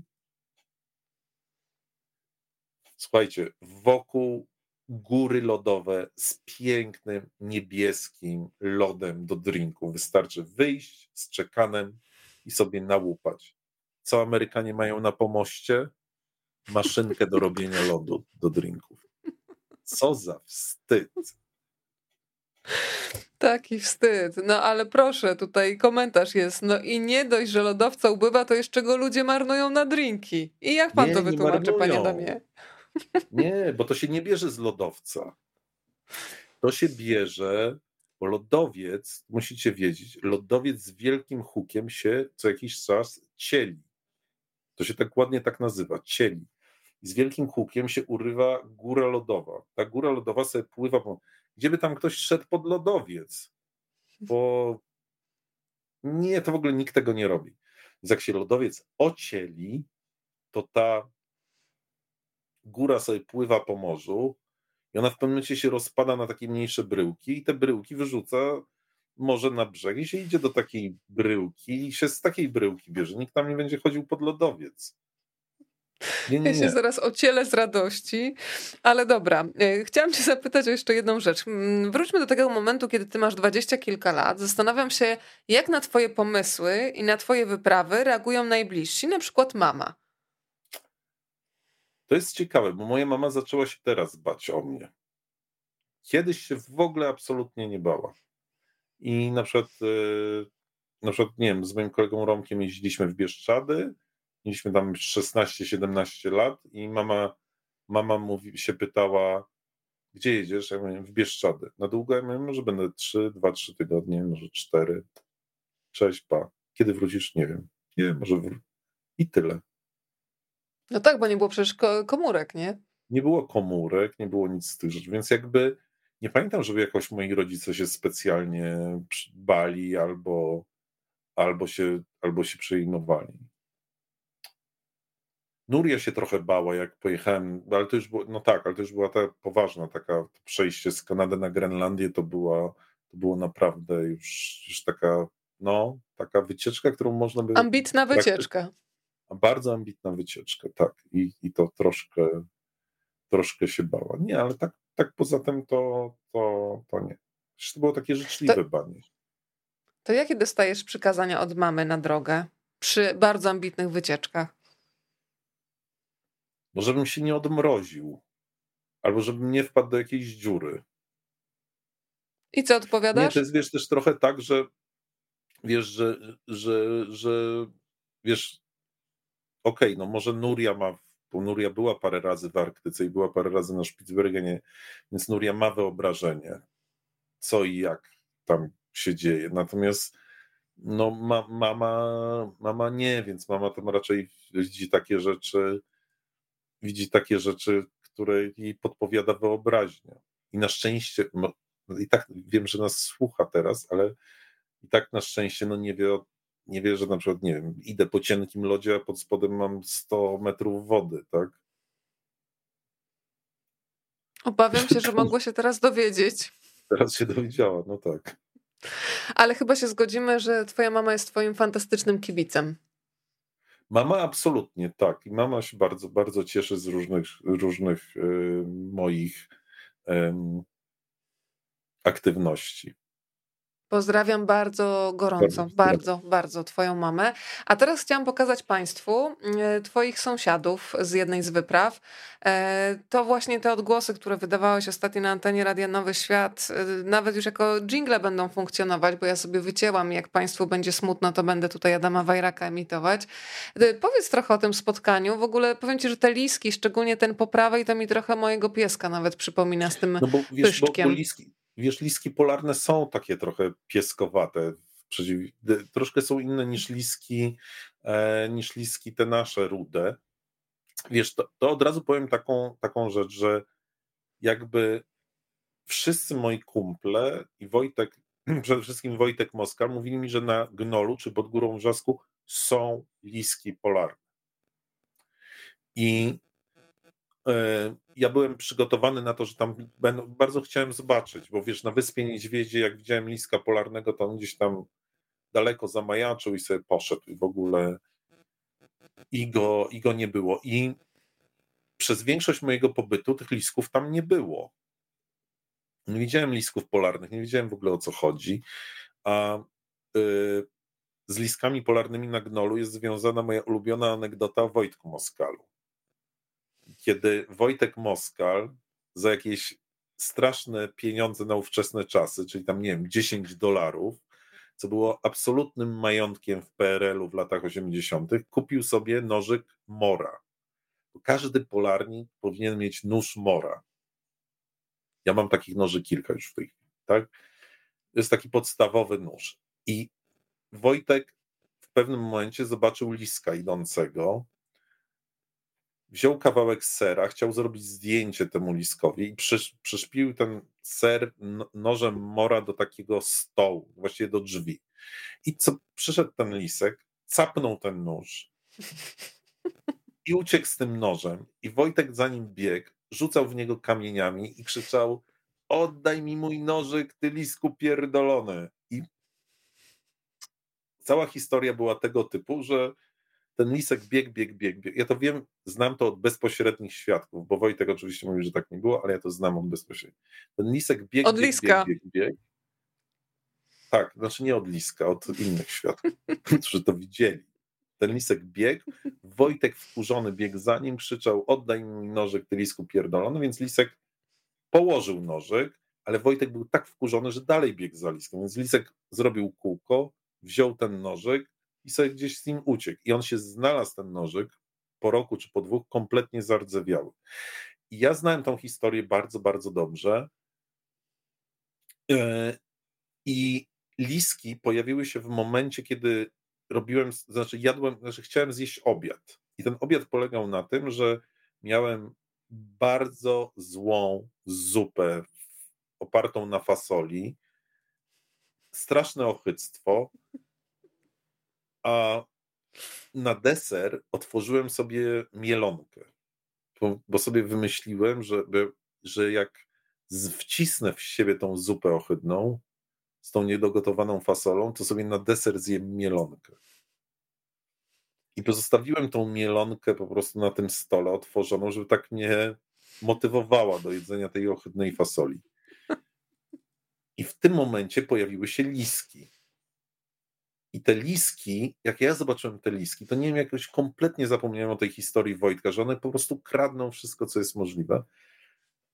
I że zwierzęta w Arktyce się nie boją. Wycofają się do chatki z aparatem, a ten lisek po prostu podbiegł i capni tą mielonkę i rura z tą mielonką. Ja byłem po prostu, wiesz... On jakby... sobie też taki deser zaplanował. Nie, on sobie nie zaplanował, on wykorzystał moją słabość i brak doświadczenia. To pokazaliśmy już Państwu liski polarne, ale w książce można zobaczyć jeszcze takiego e, osobnika, e, kompletnie inna kolorystyka, kompletnie inna mordka, piękne, takie brązowe oczy. To jest z Wyspy Niedźwiedzi, bo wiesz co, bo ten lisek to jest lisek dorosły, a tamte to były młode, które się były świeżo odstawione, e, świeżo odstawione od, e, no może nie tak świeżo, od, od mamy. I wiesz co, i te, te liski, w ogóle ja uwielbiam liski polarne, bo, bo później jednak na tych liskach to ja sobie trochę zarobiłem. Znaczy zarobiłem w sensie takich różnych dobroci, bo, bo przy, przypłynęł, przy, bo wtedy jeszcze nie było takiego wielkiego ruchu strasznego na Spitsbergenie turystycznego, i co jakiś czas przypływał statek i ja trochę robiłem za takiego Indianina, tak sobie siedziałem w tej chatce, nawet powtykałem sobie e, do rzemienia sztucera, który musiałem mieć ze sobą pióra gęsi, więc taki byłem trochę indiański. No i tam przyjeżdżali tam, nie wiem, ze trzy razy byli jacyś turyści. I za czwartym razem już ich trochę znałem, tych przewodników. I, i ten przewodnik przyjechał, Przy, przypłynął statek, chyba Polar Star nawet, bardzo fajny statek. I ten przewodnik do mnie mówi, ty stary, mówi, słuchaj, mówi, bo tam ci ludzie płaci, płacili tysiące dolarów, dalej się płaci tysiące dolarów za takie wycieczki. Ten, ten koleś mówi, tak, ty słuchaj, oni, ci ludzie, mówi, widzieli wszystko. Widzieli renifery, widzieli ptaki, wszystkie, widzieli jak niedźwiedź wsuwał fokę, widzieli wieloryby, widzieli morsy, ale nie widzieli lisków polarnych. Mówi, ja słyszałem, że tu są. Pokażesz im? A ja mówię, no wiesz, tam nie wiadomo, może coś się da zrobić. A wiedziałem już, gdzie te liski mieszkają. One mieszkały tam 150 metrów od domu, w takiej norce, właśnie to, co pokazałeś. Mówi, słuchaj, dam ci wszystko. Ciasto, papierosy, whisky, w ogóle. Ja mówię, o, super. No i zrobiłem całą wycieczkę. Kątem oka widziałem te liski. Chodziłem z tymi ludźmi, mówiłem, o, tu pióro obgryzione, to muszą, gdzieś muszą być w pobliżu. No i takich doprowadziłem do tej, pod te skałki. One tam wyszły. Ci ludzie byli zachwyceni. Ja byłem zachwycony, bo dostałem masę dobra i wspaniale. Także liski, liski odrobiły swoją tą mielonkę zakoszoną. Słuchaj, no ale jak jesteśmy przy takim wątku kulinarnym, była mielonka, była niedogotowana zupa grochowa. W ogóle jak się czyta książkę na północ, to widać z niej, że ten dwudziestokilkulatek no raczej nie był jakimś mistrzem kulinarnym. Chodziło o to, żeby coś nie. zjeść, żeby żołądek był pełny, ale co tam wpadało do niego, to nie miało znaczenia. A dzisiaj czy jest jakaś popisowa potrawa Adama Wajraka? Jest to tak, jest kilka. Ja na przykład, jak mi się uda, to jutro zrobię panu reżyserowi zupę pokrzywową. Bardzo lubię, jest przepyszna. Mhm. Dla takich młodych, młodych pokrzywach. One są takie bardzo rybie w smaku. Są takie prawie miso się robi z tego.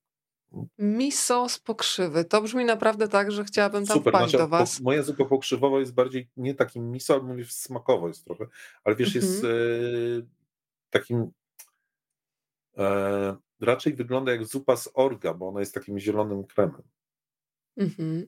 E, a jeszcze jedna rzecz, gdybyś mógł się podzielić z Państwem, bo pokazałeś mi to zanim się pojawiliśmy u Państwa w domu, czyli historia z Twoim pomidorem w doniczce, bo muszę e, przyznać, że to jest kolejny dowód na to, jak niezwykła jest e, natura. No.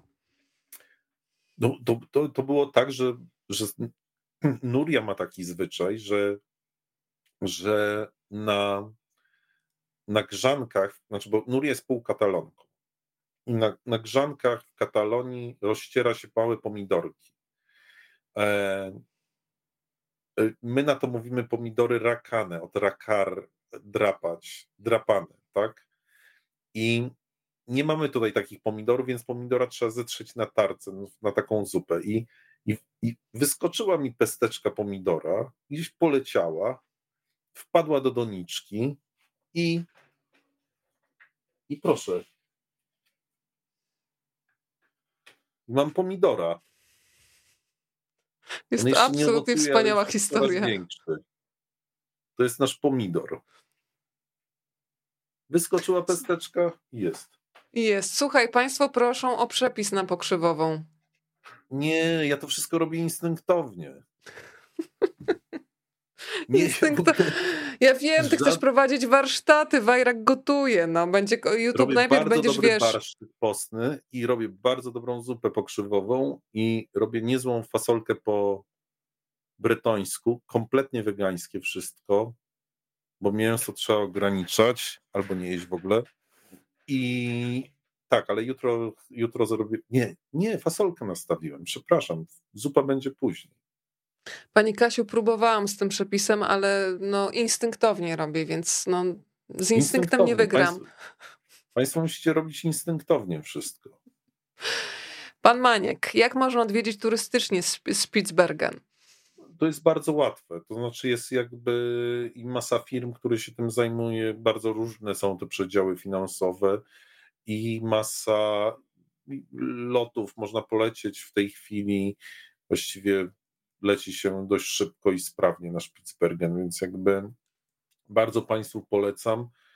Zależy oczywiście kto co lubi. No, można polecieć jesienią i oglądać zorze, można polecieć w czerwcu i, yy, i po prostu podziwiać masę cudownych ptaków i, i, i nawet w pobliżu, w pobliżu miasteczka. Oczywiście no, tam są te przepisy mówiące o tym, że wszędzie chodzimy z bronią ze względu na niedźwiedzie, chociaż to też nie jest tak, że, że po prostu niedźwiedź od razu atakuje i zjada, ale tak broń po prostu trzeba, trzeba mieć i, i tyle. Także to jest dość łatwe. Słuchaj, to skoro podróżujemy, to jeszcze wybierzmy się teraz wspólnie na taką małą wysepkę Alirachu, czyli na wysepkę estońską. I muszę cię zapytać o to zdjęcie. Jak długo czekałeś, żeby ona ci tak spojrzała prosto w oczy? Bo to jest jak taka w ogóle pluszowa zabawka ta foka wygląda. Oj, wiesz co, ja, y, to jest, ja nie jestem pewien, czy to jest ta foczka, ale podejrzewam, że to jest ta foczka, która chciała mnie ugryźć. To ja w ogóle A tak ładnie wygląda. Tak, bo, bo wiesz co, bo ja jak ją zobaczyłem taką wysuszoną, znaczy wiesz, bo foki wszystkie wydają się zawsze, jak wyjdą z wody, takie obślizgłe, natomiast jak, jak wyschną, to są takie zamszowo-pluszowe i to jest przecudowne. I słuchaj, i to było tak, że myśmy wylądowali po prostu z Iwarem, moim przyjacielem estońskim, na takiej małej wysepce, która była na przykład, tak naprawdę była taką kupą kamieni, między którymi była woda. Wszystkie foki uciekły i ja zobaczyłem w pewnym momencie, że jeden kamień się poruszył i, i, że ten kamień ma oczy. I ja po prostu ruszyłem do tej foczki, robiąc zdjęcia i byłem coraz bliżej, coraz bliżej, coraz bliżej. I w pewnym momencie Iwar mnie złapał. Mój stary, po prostu ona cię zaraz dziabnie, mówi, będziesz miał foczy palec albo foczą nogę. To jest taka przypadłość. Foki jak ugryzą, albo jak ktoś ma kontakt z foczą, z foczą krwią, albo to głównie była choroba łowców fok, to im po prostu wszystko puchnie. Mhm. I ale tą foczkę tego nigdy nie zapomnę, bo ja byłem jak oczarowany, po prostu leciałem do niej. Wiesz, to była tak naprawdę chyba moja pierwsza foka na, na wolności, którą zobaczyłem. E... Nie, pierwsza nie, bo widziałem je w wodzie. Natomiast taka pierwsze, takie bliskie spotkanie, spotkanie z foką. W ogóle Alirachu, Estonia i wyjazd do Estonii był takim naprawdę super przygotowaniem do wyjazdu w Arktykę, bo, e, bo północny i wschodni Bałtyk jest tak naprawdę takim, takim arktycznym morzem. Jest tam, są tam foki, są tam edredony, wtedy była masa lodu jeszcze. E, na tej na wysepce Alirachu były góry, zwały lodowe. E, I, I myślę, że wiesz, tak naprawdę tego bakcyla ak, ak, ak, arktycznego, którego, znaczy, powiem tak, infekcja zaczęła się od książek, natomiast on się rozwinął właśnie tam na Alirachu i, i w Estonii.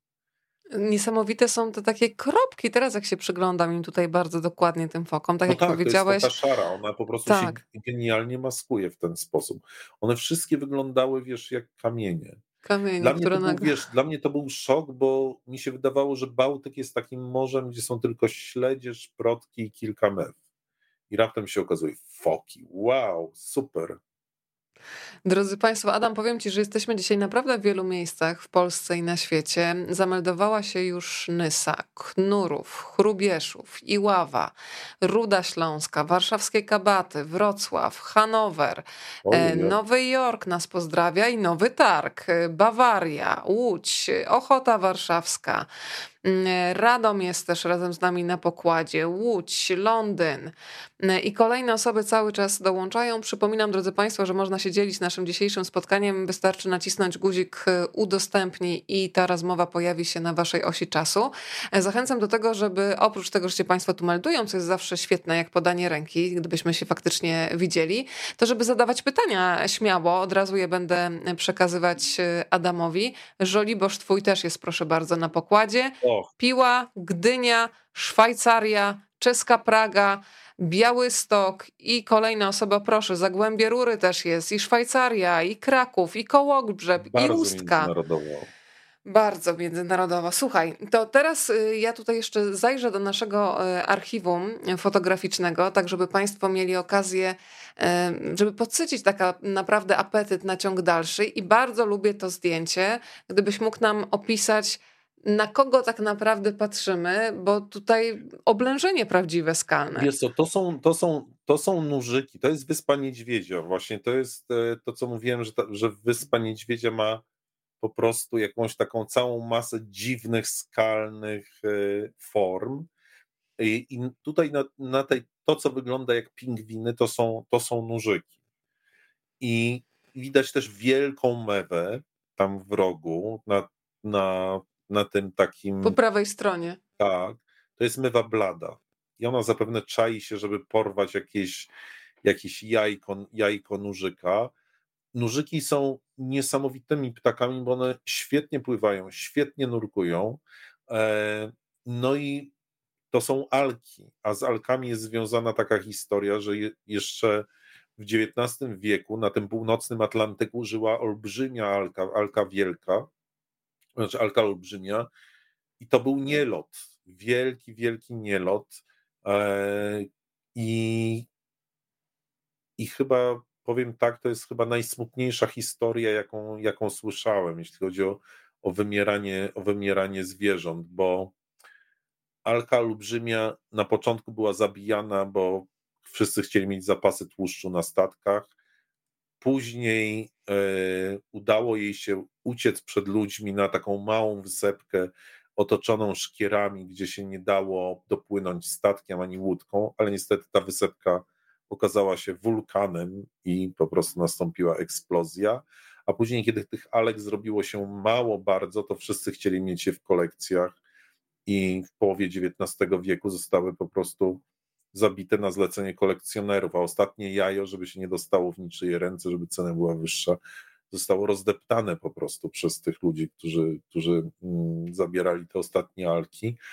No więc to, co widzimy, nużyki, alczyki, e, to jest, e, to jest jakby, jakby mali kuzyni tej wielkiej, wielkiej alki. E, niesamowici też, tak żeby było jasne, że to, to ptaki są genialne, bo jak mówię, potrafią nurkować, mamy ten deszcz nurzyków, alczyki malutkie, takie malutkie, malutkie, malutkie, jak mini po prostu nazwę pingwinki, ale one z pingwinami nie mają nic wspólnego, chociaż nazwa pingwin się wzięła od alki olbrzymiej. Yy, latają gigantycznymi, takimi świergolącymi stadami, mieszkają pod, pod kamieniami. To jest, to jest też niesamowity ptak. E, bardzo ważne są dla ekosystemu arktycznego. Nie tylko chodzi o to, że nie wiem, że są pokarmem dla bardzo wielu e, zwierząt, dla mew, dla lisów, ale też niesłychane jest to, że one pod tymi koloniami swoimi po prostu nawożą glebę i tam się kipi od zieleni, tak, że te kolonie ptasie, wielkie kolonie ptasie są takimi takimi po prostu oazami, gdzie jest bardzo, bardzo dużo zieleniny, z której korzystają renifery, ale też, uwaga, korzystają niedźwiedzie polarne. Ale to dopiero w trzeciej części mojej. E, słuchaj, widzę, że kolejne osoby do nas dołączają. Pani Iza zadaje pytanie, kiedy można się spodziewać, tutaj o konkrety jest pytanie, drugiej części chciałbym, Arktyce, ona, pierwsza była niesamowita. Chciałbym, żeby ona wyszła w tym roku. Ona nie będzie taka gruba jak ta, ale chciałbym, żeby wyszła w tym roku. Tak. E, chwilowa zmiana tematu, dzięki pani Magdzie. O Arktyce mogę słuchać godzinami, ale może niech pan Adan opowie coś o wilkach, może o jakichś ostatnich spotkaniach. Nie wiem, czy ja dobrze pamiętam, ale ty powiedziałeś mi, że chciałbyś spotkać wilki arktyczne. To dobrze pamiętam? Ja nie wiem, na ile mogę zdradzać, ale myślę, że jeżeli wszystko mi się uda, to w przyszłym roku spotkam wilki arktyczne. Tak. A coś jeszcze Wojt, o wilkach na życzenie pani Magdy? Moskalem planujemy, z Wojtkiem Moskalem i Jackiem Jackiem, czyli takim naszym e, stałym, stałym zespole planujemy taką wy, wycieczkę na wilki arktyczne. Natomiast jeśli chodzi o wilki tutaj, to z ciekawostek z ciekawostek powiem tyle, że ostatnio tutaj jadły żubrzycę starą, tylko podejrzewam, że ona sobie sama umarła, e, a wilki ją po prostu zjadły. I to dosłownie, tak powiedziałbym, 500 e, metrów od miejsca, w którym w tej chwili siedzę, przed domem. Mhm. Słuchaj, to Chyba ja jeszcze... były wczoraj, bo Lolek się bardzo denerwował. A no tak, bo przecież Lolek wszystko Lolek wyczuwa. Jest, jest owczarkiem. Y, słuchaj, to pogadajmy jeszcze o tym, co podczas podróży widać. Y, jest taki fragment na północ, kiedy opowiadasz o tym, jakie spustoszenie sieje człowiek. Myślę tutaj o metalach ciężkich, o takiej substancji PCB. Powiedz trochę, bo często jak żyjemy sobie gdzieś tam w swoim bloku, w swoim mieszkaniu, to gdzieś te takie kwestie, które wydają no powinny być każdemu z nas bliskie, jeżeli ich nie widzimy na własne oczy, to wydaje się, że one się nie dzieją. Nie dalej jak kilka tygodni temu jechałam z panem taksówkarzem, który przekonywał mnie, że żadnego ocieplenia nie ma. Nie? Globalnego nie ma. Chciał też palić TVN po drodze i wychodzić z Unii, ale to już przemilczmy. A. E, no ale powiedzmy trochę o tym, co zaobserwowałeś, bo y, to wszystko, co się dzieje, widać i to są takie no, bardzo smutne informacje, e, kiedy opowiadasz wprost, że to spustoszenie jest ogromne i że odpowiada za nie człowiek niestety. I co więcej, znaczy, to też chciałem pokazać w tej książce, że to nie jest spustoszenie, które się zaczęło, nie wiem, tam w XX wieku, tak? To znaczy ono, ono trwa już, e, przynajmniej w Arktyce, to, to trwa już kilkaset lat i to zaczęło się od, na początku do wybicia wielorybów, e, na początku tych, tych takich bardzo powolnych wali grenlandzkich. To całkowicie zmieniło arktyczny ekosystem. Później zostały zdziesiątkowane inne wieloryby, morsy, niedźwiedzie polarne i tak dalej, i tak dalej. I czasami jest tak, że nawet, wiesz, nawet rzeczy, które robimy gdzieś zupełnie gdzie indziej, na przykład właśnie dokładnie tak jak PCB, czyli środek, który zaburza rozmnażanie się, syntez, syntezowanie przez organizmy różnych substancji, który dostaje się do środowiska gdzieś hen daleko od Arktyki, od innych ekosystemów. E, I tam się w jakiś sposób koncentruje, i on potrafi prowadzić do, do tragicznych rzeczy. Na przykład myśmy widzieli, że, że wiesz, że mewy umierały, mewy blade, wielkie mewy blade. I to było coś wstrząsającego, bo to było takie, wiesz, jakby bardzo e, zaskakujące. Wiesz, idziesz po plaży, widzisz, siedzi sobie zdrowa mewa, chodzi i raptem ta mewa zaczyna się trząść i przewraca się i umiera. Pech i jej nie ma. Więc to są, to są, wiesz, to są takie rzeczy, które, które naprawdę, naprawdę E, te rzeczy, które my robimy, czasami mają bardzo nieoczekiwane skutki, hen daleko od miejsc, w których, w których się to zaczęło. Teraz ostatnio, jak, jak, jak jeździliśmy, to wiesz, jest masa plastiku w Arktyce.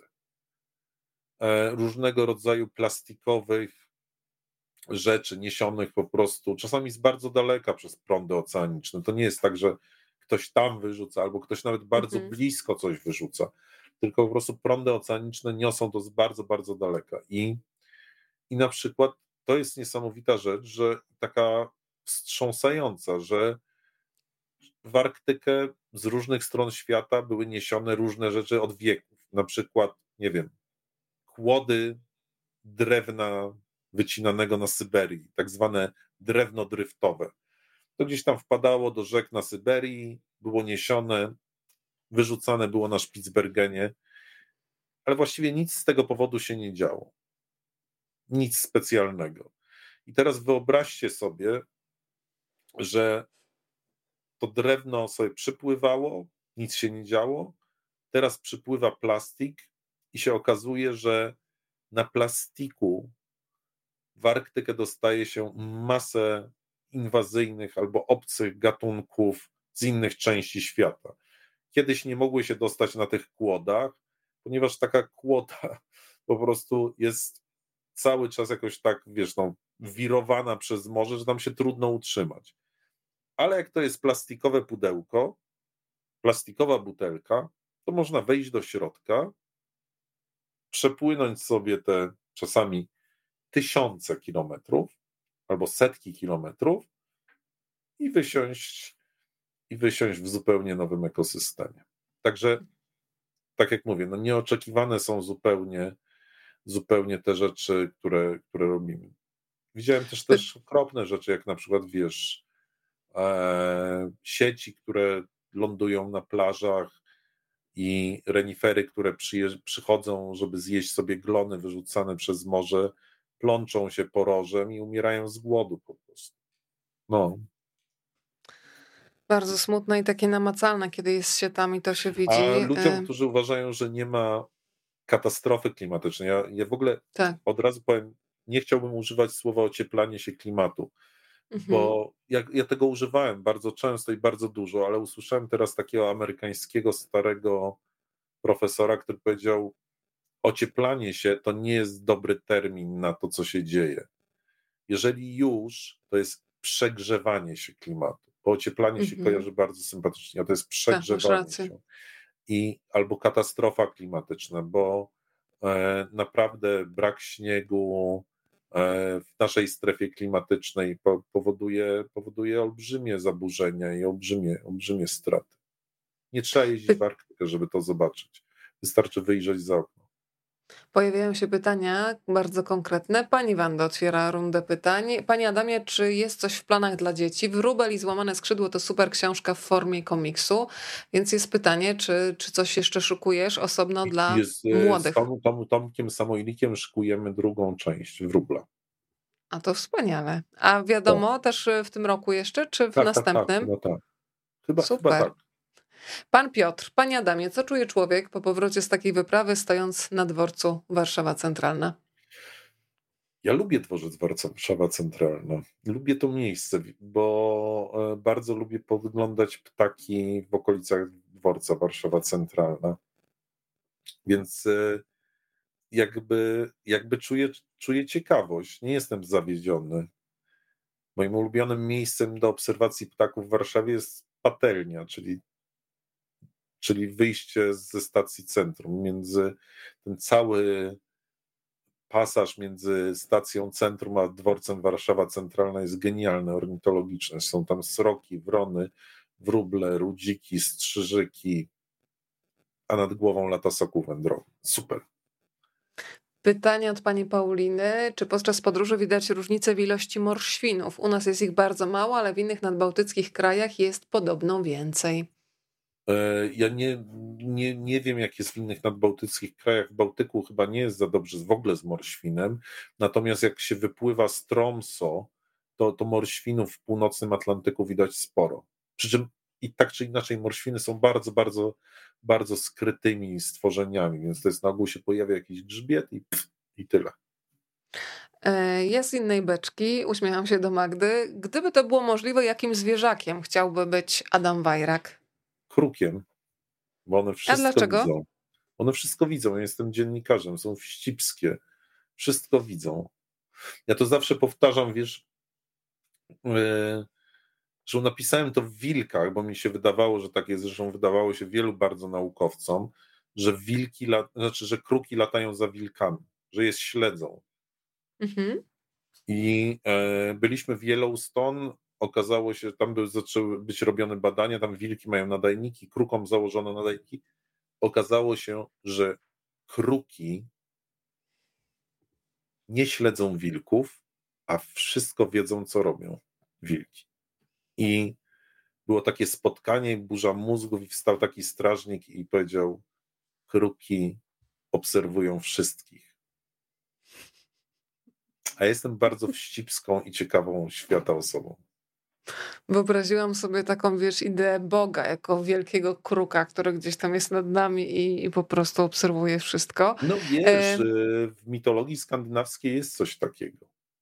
Ale zobacz, Magda też słusznie zauważyła, Kruk Mateusz z Akademii Pana Kleksa. Dokładnie, Tam przecież tak. była mhm. taka postać, faktycznie. Swoją drogą bardzo jestem ciekawa tej nowej Akademii Pana Kleksa, która ma się pojawić też w tym roku z A Tomkiem Kotem. Się troszeczkę? Boję się oczywiście, ale z drugiej strony powiem ci, że jak oglądałam po latach Akademię Pana Kleksa, mając już 40 e, lat albo więcej, to miałam takie wrażenie, że naprawdę na niezłym, nie wiem jakie substancje były spożywane, ale tam jest tyle takich odlotowych historii, że byłam zdziwiona, że to tak wyglądało. Przede wszystkim, wiesz, co mnie zachwyciło? Że Akademia Pana Kleksa od początku była tęczowa. No właśnie. No właśnie. Nikt jakoś nie miał z tym problemu. Boję tych nowych produkcji. Boję się nowego Znachora, boję się Akademii Pana Kleksa jakoś tak. Yy, to, a ten Marsz Wilków, nie? No Marsz Wilków no, traumatyczne. To było traumatyczne. Traumatyczne, wiesz, i to też pokazuje, jak kulturowo my podchodzimy do wilków. Że to są, wiesz, że to są po prostu które, zwierzęta, które tylko zostawiają spaloną ziemię po sobie. E, a to w ogóle tak nie jest. Ja zresztą jak zawsze mam prezentację o, o wilkach, e, to pokazuję kadr z Marszu Wilków i mówię, wszyscy to pamiętamy, tak? Trauma dzieciństwa. A ja z tej opowieści Brzechwy bardzo lubiłam ten moment, kiedy tam były różne pokoje. Był między innymi pokój chorych przedmiotów, takich, które już tak. się do niczego nie nadawały. To jakieś takie e, fragmenty, które gdzieś zostają w głowie. Ale każdy z nas ma y, gdzieś pełno chorych przedmiotów, których nie chce się pozbyć. Zdecydowanie tak. Ja Ale co masz z takich stryk. chorych przedmiotów właśnie, takich, które, takich przydasi, co to jeszcze, wiadomo, że już powinny być dawno gdzieś indziej, ale jednak się je ja trzyma. Mam takie nartki, których po prostu one się rozpadły, one się do niczego nie nadają, one, one po prostu już się rozpadły i w ogóle nie można ich skleić i z nic, a nigdy w życiu ich nie wyrzucę. Nartek. Ale słuchajcie, pojawiły się tutaj rozbieżności. Magda napisała, że chciała być tym krukiem Mateuszem w dzieciństwie, a druga Magda pisze, że to chyba był jednak szpak z Akademii Pana Kleksa. Nie, ja już szpak, teraz nie wiem. Znaczy ten, szpak, nie, faktycznie, szpak, szpak Mateusz. Oczywiście, pewnie szpak. Ojejku, cóż za zamieszanie nam się zrobiło. No a czym się różni szpak od y, kruka w takim razie, jak już tak nam się tu pomyliło? Szpak jest malutki, kruk jest duży. E, kruk jest krukowaty, szpak nie jest. I mówi Jedyne się szpaczkowanie, prawda?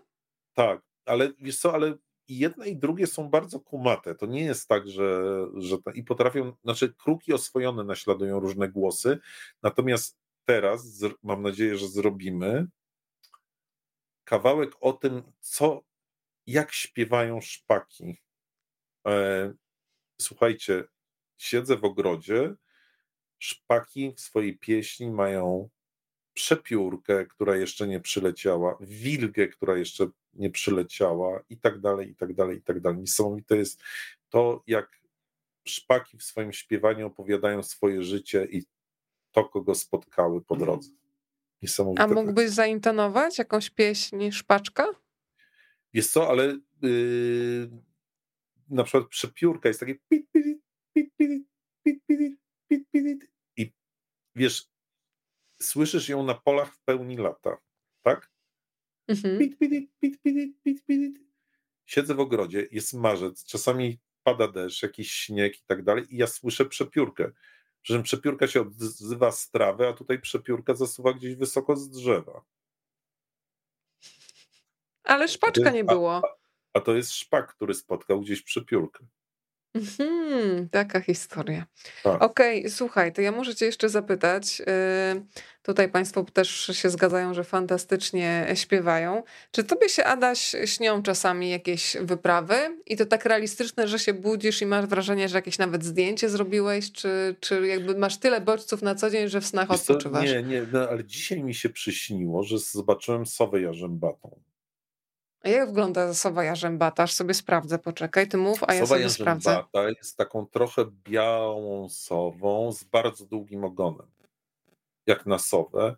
Jest bardzo, bardzo wielką rzadkością i jak się pojawia w Polsce, to się zlatują tabuny ornitologów i fotografów, żeby ją zobaczyć. Ja miałem taki sen, że zrobiłem zdjęcie, dzisiaj mi się śniło, że zrobiłem zdjęcie sowie jarzębatej i myślę, Jezu, jak to wrzucę na Facebooka po prostu wszyscy się tu zjadą. Ja mówię, ale to będzie tylko drzewo, na którym ono siedzi. Ale, mówię, ale myślałem sobie, oni na pewno poznają, które to drzewo. I na tym się mój sens skończy. Czyli jednak. A powiedz, z jakiego zdjęcia ostatnio jesteś najbardziej dumny? Ja polecam Państwu śledzenie profilu facebookowego Adama, bo tam faktycznie są fantastyczne zdjęcia ornitologiczne, zresztą nie tylko, bo ostatnio były te żaby. Fantastyczne, nawet krótki film był. Z tego, znaczy, tak? ale nie jestem dumny dlatego, że zrobiłem jakieś fantastyczne zdjęcie, tylko że raptem e, wiesz co, że, że jest tak dużo, że jest trochę więcej wody i te żaby mają o wiele lepiej, jest ich, jest ich więcej, jest jakby taka wiesz, płazy są jedną z najbardziej wymierających grup kręgowców i, i to jest, wiesz, fantazja. Chociaż największą furorę zrobiło zdjęcie ropuchy, a za ropuchą gdzieś daleko przy tablicy teremińskiej stoi Andrzej, yy, czyli właśnie pan reżyser z Lolkiem na smycz. Tak, to widać, ale ja też widzę, że nie dbasz o intymność żab i tam jest nawet życie erotyczne w kadrze zamknięte. Tak, ponieważ tak. E, jak powiedział. E, Pornografia bohater... przyrodnicza to jest. Jak, z bohat... jak powiedział jeden z bohaterów rękopisu znalezionego w Saragosie. Jestem prawnikiem i interesuje mnie życie ludzkie. Ja jestem dziennikarzem, interesuje mnie życie zwierzęce. To powiedz jeszcze, e, bo ten wątek się pojawia w książce na północ. E, przed jakim to sklepem są stojaki, takie stojaki, które nam się kojarzą z rowerami, ale na tych stojakach o, wcale nie ma rowerów, tylko już, co jest? Już tego, już tego nie ma. Nie? nie, nie, nie już nie ma, nie ma. Wiesz, bo ja przy, jak ja przyjechałem na Spitsbergen, to Longibiren było w takie trochę, czy to miasteczko, było w trochę w takim rozkroku, e, że z jednej strony kończyło się, znaczy właściwie zaczynała się, kończy historia górnicza tego miasteczka, dopiero zaczynała się turystyczna, turystyczna, jakaś naukowa i wiesz, no tam rzeczywiście trzeba chodzić z bronią. I wtedy przed sklepami, tych sklepów nie było za wiele, był, był jeden butik, Svalbard Boutique, najbardziej wysunięty na północ supermarket na świecie. I tam były takie stojaki jak na rowery, i stały przed tym sztucery, dubeltówki, tak dalej, bo nie wolno wnosić broni do sklepu. I to wyglądało jak po prostu z dzikiego zachodu, naprawdę. Po prostu wszyscy zostawiają swoje pukawki przed sklepem. W tej chwili jest tak, że w każdym sklepie jest szafa pancerna i tam trzeba zostawić, zostawić swoją broń. Ja na, na ogół też rzadko się zdarza, żeby ktoś chodził z bronią po mieście, jakby już nie jest tak jak, jak kiedyś. E, no i to, to oczywiście jest, wiesz, jak, wiesz, jakby z jednej strony śmieszne, a z drugiej strony dość przerażające, no bo jednak trzeba pamiętać o tym, że broń służy do zabijania. Oj tak. Słuchaj, pytanie jest, y, pani Agnieszka się przyznała, że ona się boi ptaków, więc sugeruję, żeby zmienić temat. Może niech pan powie, jakim zwierzęciem za nic w świecie nie chciałby być? Czy ja wiem? No strasznie przerąbane mają nornice. Wszyscy je zjadają. I one, się, I one naprawdę muszą się cały czas poruszać takim krokiem partyzanckim. Od, od norki do skłody, podkłody i tak dalej. To nornic mi zawsze jakoś szkoda, tak po ludzku, więc może nornicą nie chciałbym być. Średnia życia trzy miesiące. Słabo. To faktycznie słabo. Ale nie e, dlatego, Panie... że one tak długo nie mogą żyć, tylko dlatego, że właśnie są zjadane. Pytanie od pani Aleksandry. Czy pan Adam miał taką wyprawę, podczas której miał wątpliwości, że wróci cały i zdrowy? No nie, to był ten jeden moment z Wojtkiem. Ten jeden moment z Wojtkiem. Później Wojtek mi przypomniał teraz, jak o tym gadaliśmy, że myśmy uciekli tej wichurze, podeszli pod jakąś skałę, jakiś klif i widać było, że z tego klifu lecą takie wielkie głazy. Wszędzie były powbijane tam w śnieg. I myśmy wybrali takie miejsce, gdzie tych głazów było najmniej, że nam po prostu nie spadnie zaraz żaden, nie zmiażdży namiot. Już usiedliśmy w tym namiocie i po prostu przyszedł taki szkwał i rozwalił nam ten namiot. Takie bum, takie ostatnie uderzenie. E, połamał nam maszty, i, ale ja nigdy nie miałem znaczy nie, powiem tak, nigdy nie miałem w Arktyce czegoś takiego, że, że ja się czułem tam nie zagrożony albo coś takiego. To jest jednak, jednak to jest bardzo przyjazne miejsce, tak naprawdę. Ja bardzo kocham to miejsce. Nie ma we mnie zakrztyny zdobywcy, jakiegoś człowieka, który walczy, który się tam musi zmagać i tak dalej. Więc ja nie miałem, nie miałem nigdy takiego podejścia, że, że, że, że coś, że, że to jest taka walka o życie. Nie, nie, nie. Choć bardzo, bardzo mnie śmieszą te różne historie z cyklu Groza Arktyki. Yy, I to nie są moje historie. E, tutaj Agnieszka sugeruje, jak zaczynasz mówić o tych groźnych wątkach, żeby mama wyszła zaparzyć herbata, żeby nie słyszała, że groźnie też bywa w takim razie. Pytanie od y, pana Mańka. Kiedy będzie spacer z panem Wajrakiem po Campinosie? No kiedy? Nie wiem. Ja bardzo, bardzo bym chciał, ale, ale nie wiem. Będę na pewno na festiwalu w Izabelinie. O proszę. A kiedy? E, to jest bodajże jakoś koniec maja. Planeta Dość bliska perspektywa w tak. takim razie. 22.13 e, na zegarze, więc powoli dobijamy do brzegu podczas naszej podróży, więc noc już za oknem. A ja cię na finał zapytam o taki trwający pół roku polarny dzień. Jak się dopasowuje swój rytm do tego, że nagle jest cały czas jasno? Wiesz, niektórzy potrafią. Znaczy, śpią z zegarkiem, budzą się z, z zegarkiem, budzikiem, ale ja nie potrafię. Ja po prostu, jak, wiesz, jak wpadnę w tą Arktykę i widzę te ptaki, liski, po prostu wszystko, to, to dostaję takiego amoku, że ten dzień robi się raptem 14-godzinny, więc później śpię nie wiadomo ile, to wszystko mi się przestawia. Oczywiście to nie jest tak, że to jest cały czas taki sam dzień, bo na przykład jak słońce zachodzi za góry, albo jest trochę za górą i się pojawia cień, no to ptaki w koloniach idą sobie spać, więc to nie jest takie. Znaczy, na pierwszy rzut oka to jest cały czas dzień, ale tak naprawdę, ale tak naprawdę są różne takie wahnięcia. Na przykład lisy polarne raczej wychodzą wtedy, kiedy jest tak zwana noc, chociaż jest zupełnie, zupełnie jasno. Ja sobie z tym nie radzę, to od razu mówię. Mi się wszystko, wszystko, wszystko, wszystko przestawia. Oczywiście, jak się wiesz, jak się idzie na nartach, idzie się z sankami, no to, to dobrze jest złapać jakiś taki rytm i po prostu, wiesz, budzić się o określonej porze, przechodzić określoną ilość nie kilometrów, ale tak zwanych przystanków. My to dzielimy na takie, na takie etapy po prostu. Mówimy, że sobie przechodzimy cztery etapy, nieważne czy jeden etap to jest dwa kilometry, czy, czy, czy jeden kilometr, czy pięć kilometrów yy, i wtedy to można jakoś wyregulować. Natomiast jak, jak wpadniesz w ten zachwyt, to nie da rady. Po prostu wszystko się miesza i mi się zawsze miesza. Więc czasami jest tak, że jem, po prostu jest jak w misiu, tak? To znaczy jem obiad o e, drugiej w nocy, kładę się w ubraniu i śniadanie, śniadanie na kolację. Śniadanie na kolację, dokładnie.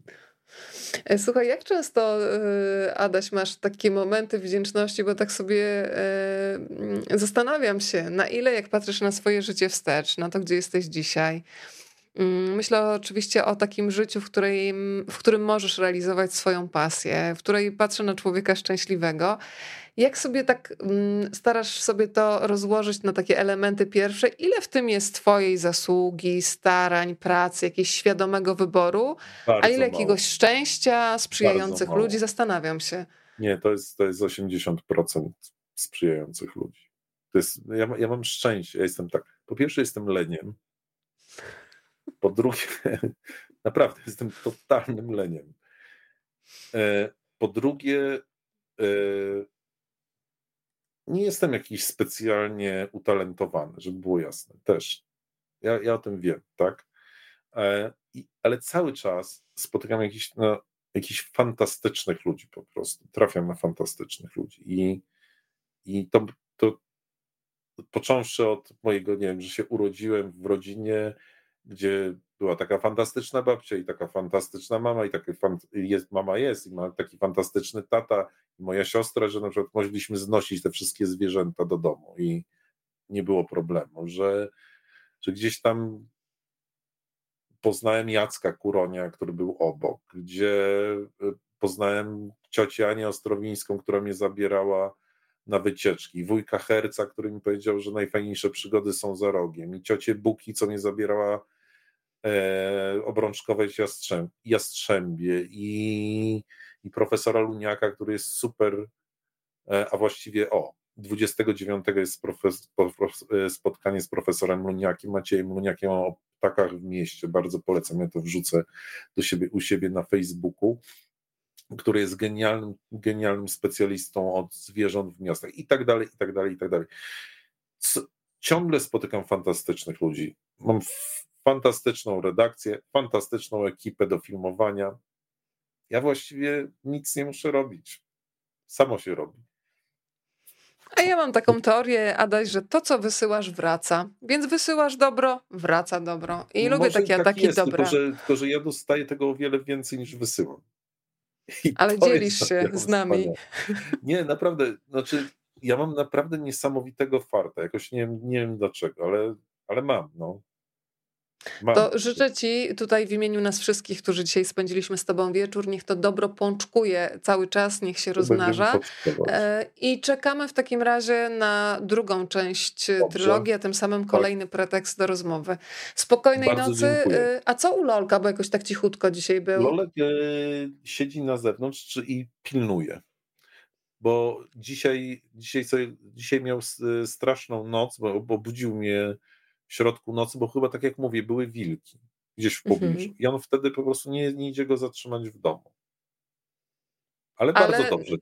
Ale bardzo... na noc będzie spał w domu, co? Czy nie? w domu. On zaraz, zaraz przyjdzie do domu, zaraz będzie, dostanie jedzenie, położy się spać i, e, i zapewne tak nad ranem przyjdzie do, do sypialni i mnie obudzi.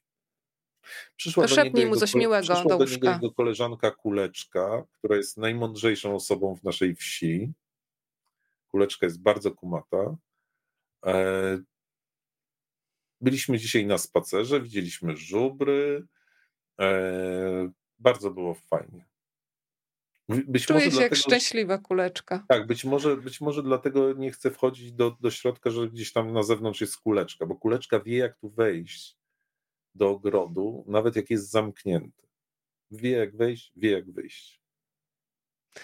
To znowu powiem w imieniu swoim i Państwa, że czujemy się jak szczęśliwe kuleczki. Kuleczki się zaraz potoczą pewnie do swoich łóżek. Życzę wszystkim dobrych snów i bardzo dobrego dziękuję. tygodnia. Adaś, bardzo Ci dziękuję za spotkanie i za rozmowę. Bardzo dziękuję. Dobranoc. Bardzo się polecam. I książkę też polecam. Na ja północ, jak pokocham Arktykę. Że to wydanie, tak? które tam jest, jest unikalne, ponieważ tam jest błąd w mapie i jest zalany obwód kaliningradzki. Więc kupujcie póki jest nieskorygowana mapa. bo, bo rozumiem, że dodruk już będzie ze skorygowaną mapą. Tak jest. Tak jest. Adam Wajrak był dzisiaj razem z Państwem. Spokojnego wieczoru i do zobaczenia. Dziękuję. Zapraszam do Rozmawiam, Dobranoc. bo lubię w środę. Porozmawiamy o książce Chwilę Wieczności. Dziękuję Ci bardzo. Dziękuję.